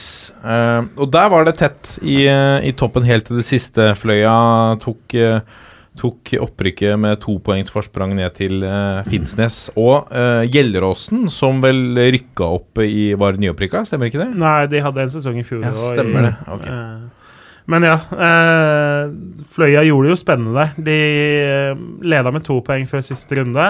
Da gikk Finnsnes opp i både 1 og 2 og 3-0 ganske tidlig i sin kamp, mens det var 0-0 for Fløya. Så Fløya måtte slå Tromsø 2 på Alfheim, og klarte da til slutt et litt stykke ut i andre omgang å få eh, den avgjørende skåringa. Men der, der levde det da til siste sekund. Det var jo eneste avdelinga hvor det var spenning om opprykket før siste serierunde. Så eh, sympatisk av dem å gi litt av den dramatikken, eh, da. Men det er jo en avdeling noen av oss trodde skulle være avgjort i toppen ganske mye før siste runde, og ikke med Fløya på topp. Hadde du et eh, grønt og sort lag på topp der, eller? Jeg tror vel alle som har prøvd å tippe tabellen i tredjevisjon avdeling 6, hadde Hønefoss som ganske klar favoritt. Det, eh, jeg skal like å se bevis på det tipset som ikke hadde Hønefoss på topp. Det, da håper jeg tar vi av oss eh, hatten og applauderer for de som spådde Fløya istedenfor Hønefoss. Det må vi si. Både Fløya og Finnsnes har jo avgitt en del eh, poeng her til å være opp, de to som kjempa om opprykket. Så jeg føler litt at Hønefoss med en kall det normal sesong da, skulle ordna det opprykket der, men det er den starten som ødela totalt for dem. De har jo de fant jo formen etter hvert og ble jo et av de bedre lagene i avdelingen i høst, for all del. Og de har jo ender jo bare ni poeng bak, til tross for den katastrofeperioden de hadde tidligere i sesongen. Så um, det er klart Hønefoss blir jo likevel eh, skuffelsen i den avdelingen her, med den satsinga de har og de ambisjonene. Det er det ingen tvil om. Ja, Det er ikke tvil om. Men eh, som sier, tapte vel fem bortekamper oppe i nord på rad i starten, i tillegg til å tape hjemme mot et veldig ungt Ullkisa 2. Så de tapte da seks av de åtte første kampene. Og da eh, Etter det så er de vel omtrent best i avdelinga, mener jeg. Eller best i avdelinga. Men eh, når du starter med et sånt eller gir deg selv et sånt handikap, så er det håpløst. De har da på den nærmeste vært sju-åtte poeng bak, men eh, eh, ja. eh, det er ikke godt nok, dessverre. Og så ser det ut som det blir en bra satsing neste år òg. Så eh, får man en OK eh, Nesten uansett tror jeg så vil man være favoritt i sin avdeling neste sesong. Men eh, klart det er jo lov å hoppe på litt flyt med avdelingsoppsettet i tillegg, da. Ja. Noen eh, profiler her som har vært å, å trekke fram på spillersiden eller trenersiden? Ja, som alltid. Eh, Vegard? Eh, ja, blir mer et kollektiv. Men jeg er imponert over Gjelleråsen da, og den unge treneren Ørjan Heiberg, som jeg kjenner veldig godt. Vi kom fra nesten samme sted. Eh, jeg hadde ikke regna med at de skulle melde seg på i toppen, sånn som de har gjort. De hadde også en trøblete slutt på sesongen hvor eh, de ikke fikk lov å bruke hjemmebanen sin mange uker pga. veiras, alle ting. Så de spilte ja. jo flere kamper på Strømmen og måtte reise rundt på Romerike med noen baller i baksetet og trene der det var mulig. Det kan jo ha hatt litt påvirkning på Ja, de slo, har slått flere av topplagene. De eh, har rett og slett eh, imponert voldsomt som et, et kollektiv. Hva er den banen der heter igjen? Li. Li er det. Langt, langt og vanskelig.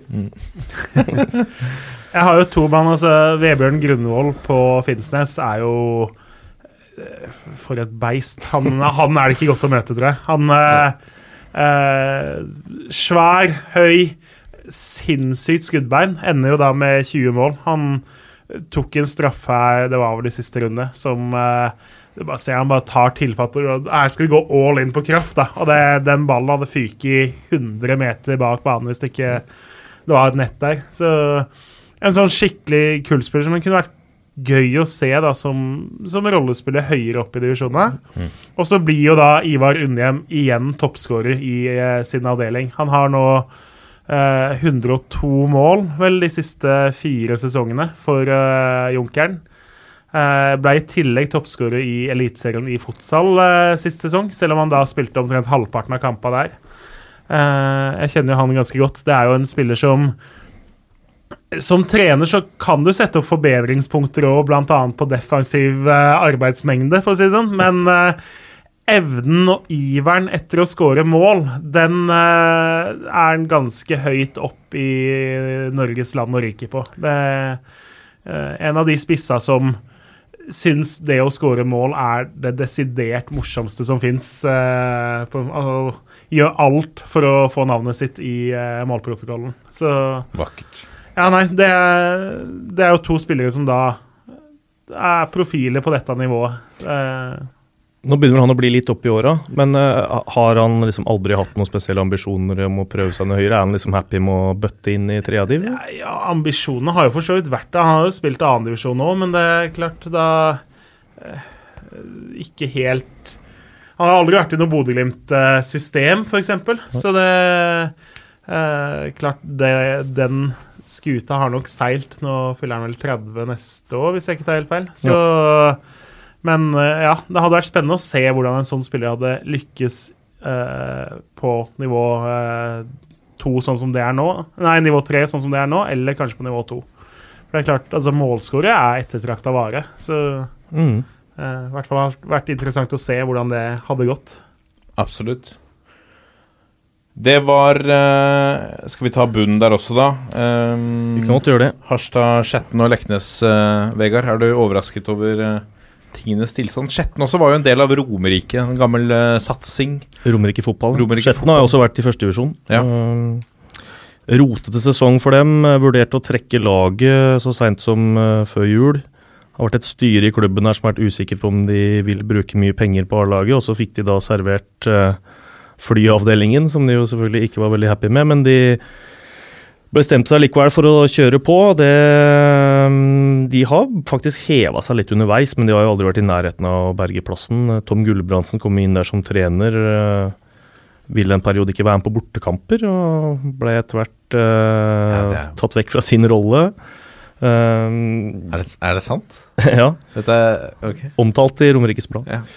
Ehm, så vi får se hva som skjer i Skjetten nå. De ehm, Kai Holt ble vel eh, offentliggjort som trener, eh, om det var i går eller to dager siden. Eller. Ja, jeg tror det er det desidert mest fornuftige de kunne gjøre. Veldig populær kar.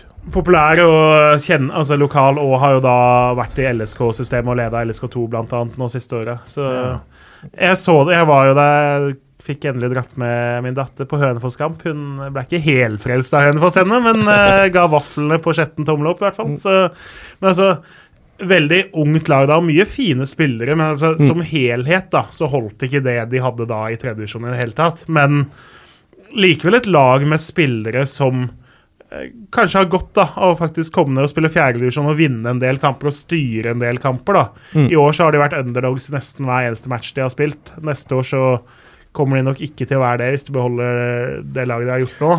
Så er det i hvert fall et lag for øvre halvdel, selv om den fjerdedivisjonsavdelinga er tøff. Så eh, jeg tror ikke vi skal avskrive Skjetten. Men eh, Harstad er jo en større overraskelse og skuffelse. Nå Mm.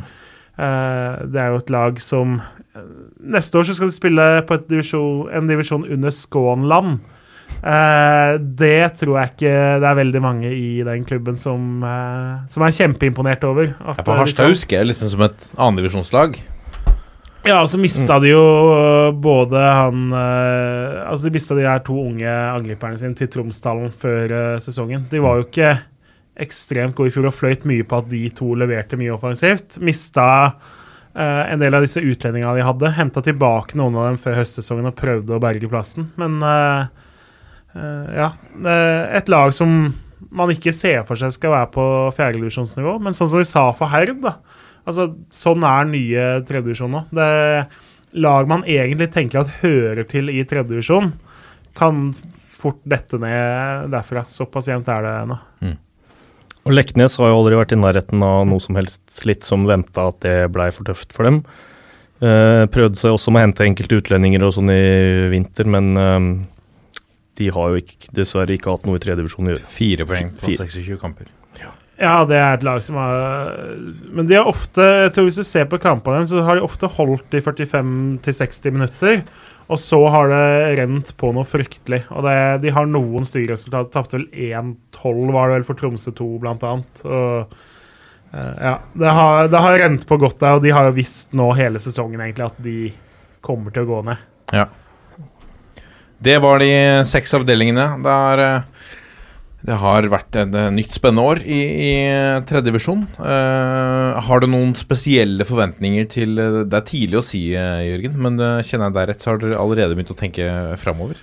Nei, altså det, det man jo er mest spent på, er liksom, hvordan blir satsinga i disse Tønsberg-klubbene nå. Eh, hva skjer med lag som Hønefoss og Lyn, som da ikke identifiserer seg selv som tredjedivisjonslag? Eh, er det noen av nedrykkslagene som klarer å skrape sammen noe eh, rester etter at de har rykka ned? Eh, det blir spennende f.eks. å se hva Elverum kommer til start med neste sesong, som for ganske nylig var et Obos-ligalag, og som nå er i tredjedivisjon. Det, det er jo et lag man også håper å unngå i sin avdeling. Så det Nå kommer jo avdelingsoppsettet om noen uker. Da tenker man jo Først så tenker man vel kanskje på liksom reisebelastninga som i hvert fall som eh, en som jobber i klubb, og så begynner man å se på at man vil unngå Hønefoss, tror jeg. Man vil unngå Elverum. Man håper kanskje at eh, dette FK Tønsberg-laget Det er liksom noen lag du føler at sportslig sett så vil du unngå de hvis du har opprykksplaner selv, da. Vi har snakket litt om i dette studiet at, at tredjevisjon kanskje er den ligaen min, minst attraktive ligaen å spille i, med tanke på reisebelastning og at du må trene eh, omtrent like mye som andredivisjon, men får ikke noe igjen for det som spiller. Hva, hva tenker du om det, Vegard? Får ikke noe igjen for det, blir jo, blir jo litt feil. Det vil jeg ikke Nei, altså, si. jeg, jeg mener økonomi, da. At du Ja. får mindre lønn igjen for det enn en Ja. andredivisjon. Det er klart, det, det bruker nok Jeg tipper de fleste klubba i hvert fall liksom har en ok proffsatsing i tredjevisjon proff i den måte at det er en seriøs treningsgruppe. da. De trener nok like mye som andre, de fleste andredivisjonsklubbene, vil jeg tro. Eh, det jeg syns den ligaen har slitt med å løse, det har vært eh, reisende. Eh, det blir for mange lag som må reise for mye i tredjedivisjon, syns jeg. Og vet ikke hvor utviklende det er liksom at Gjelleråsen skal møte Skjervøy og slike ting. Er, er det det beste for norsk fotball? Jeg er litt usikker på det. Spissinga av andredivisjon har vært en suksess. Den har blitt veldig bra. Syns også nivået i tredjedivisjon er jevnt over veldig bra, men de reisende de ødelegger veldig mye, og særlig for si, Årvoll, som vi nevnte her i stad, Grei, litt mindre Oslo-klubber som ikke har noen sånn toppfotballtradisjoner, og plutselig får slengt en 10-11 flyreiser i trynet, mens du kanskje liksom er vant til å ha et minimalt budsjett som går rundt på vaffelsalg. Det blir ganske voldsomt for mye små klubber, så belastninga blir veldig stor. Konsekvensen kan bli stor på sikt ved at du bruker, må bruke veldig mye mer penger enn du har. Kanskje noen rett og slett velger å trekke laget. og det jeg syns tredjedivisjon sliter litt med å løse den floka der, det må jeg si. Ja, det er ikke tvil om. Og det, jeg har jo landa på at jeg tror det beste, eller det minst dårlige, hadde vært å ha tre avdelinger i uh, andredivisjon. Selv om, som du sier, andredivisjon har blitt bra nå, isolert sett.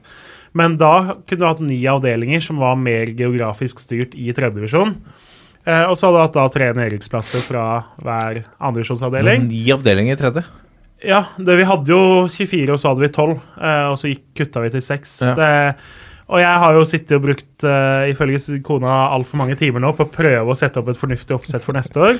Så hadde jeg et veldig fint før Kristiansund 2 klarte å rote det til mot Volda nå i kvalik, og ødela liksom det oppsettet jeg endelig var OK fornøyd med, da. Men det blir reising. Det blir masse flyturer. Det, det er ti lag fra Nord-Norge. Fra Rana i sør til Skjervøy i nord. Eh, skal du ha Rana og Skjervøy i samme avdeling? Altså, det er en Ja, ikke sant? Eh, eller skal du splitte det opp? Eh, uansett, da, hvis du splitter og sier at Rana, Bodø-Glimt 2 og Junkeren er én avdeling, så har du sju lag fra eh, høyere opp, da. Skal, en, skal de sju lagene møte sju lag fra Gardermoen, så har du ganske mange flyturer i den avdelinga. Og så skal da Glimt og Junkeren eh, og Rana elleve turer hver nedover til Østlandet. Og så eh, må du finne på noe lurt i Midt-Norge, for der går på en måte ikke opp med 14 lag uten at noen dyttes ut. Så kanskje du må ha en ny sesong da, hvor lagene fra Møre og Romsdal kommer ned til Østlandet, og så kan hende Rogaland eller Hordaland. ikke sant? Det er sannsynlig at noen av de også setter sammen med Østlandet. Eh, Da, altså Stavanger til uh. Da sier det seg selv at det blir fly.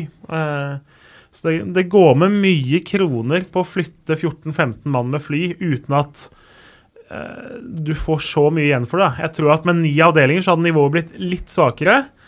Uh, men mer enn akseptabelt godt nok. Eh, så jeg er ganske overbevist om det. Men eh, jeg har ikke rett til å fremme noe forslag på fotballtinget, og det, så det hjelper på en måte ikke det. Men Det har du, Vegard. Ja, det har du faktisk. Ja. sei- Jeg har vært 16. der et par ganger. 16. november er fristen, tror jeg. Så det, ja. Det skal vi rekke. Eh, men man hører jo ikke sant, altså, Når avdelingsoppsettet kommer, så er det mange klubber som er misfornøyd fordi de har havna i den ugunstige avdelinga. Og det skjønner man, men da gjør noe med det på altså Frem et forslag som er bedre, da. Det, det er dumt å sitte og klage 3.12. uten at du på en måte har møtt opp på fotballtinget eller stilt et forslag på fotballtinget. Altså, eh, klubba har faktisk makt eh, og ansvar for å bestemme litt over det her selv òg. Så Er de sitt ansvar bevisst? Den diskusjonen dukker jo opp ganske ofte. Det er jo ikke noen sånn quick fix på dette heller, da. Selv om forslaget til Jørgen er bra, så er det jo Vi, vi, kan, ikke, vi kan ikke legge om seriesystemet hvert år heller. Og nå får man jo teste dette her litt, da. Og selv om jeg ikke syns det funker helt foreløpig, så er det i hvert fall bra de gikk vekk fra fire lag ned fra hver avdeling i trea, for det syns jeg er helt galskap. Da var det mange lag som tok mye poeng, og som definitivt fortjente å bli på det nivået. Som da må ned i en kretsserie. Så det er bra du har justert, om ikke annet. Men eh, den helt geniale nøkkelen har de vel ikke helt klart å finne ennå. Jeg syns også det virker som mange de jeg husker På andredivisjon på 90-tallet så spilte folk fotball til de var en 3-34 år. Det var helt vanlig å holde på til du var godt over 30. Nå føler jeg den alderen er justert ned. Så hvis du sammenligner det med det som er trea nå, da. Når det er sånn 6-7-28 år, så er det mange som velger å trappe ned som gode tredjedivisjonsspillere fordi de mener det tar for mye tid. Og det har kanskje litt med å gjøre at du må da dra annenhver helg Norge rundt da, for å spille kamper på nivå fire.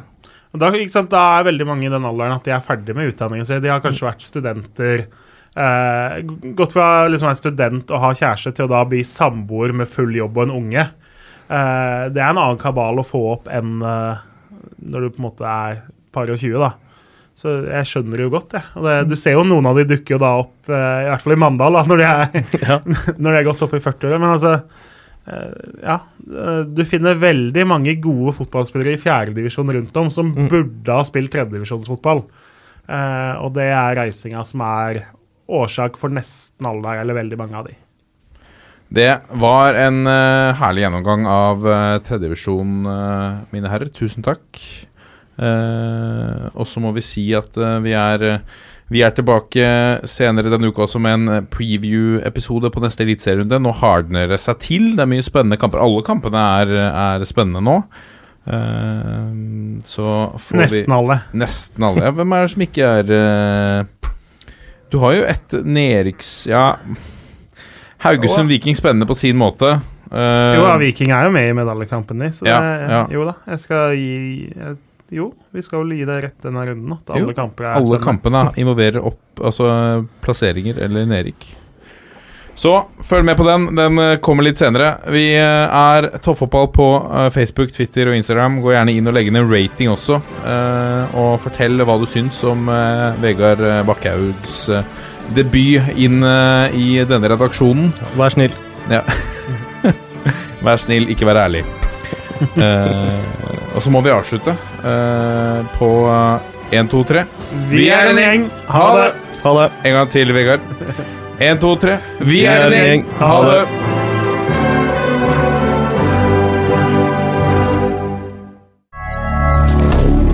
Moderne media.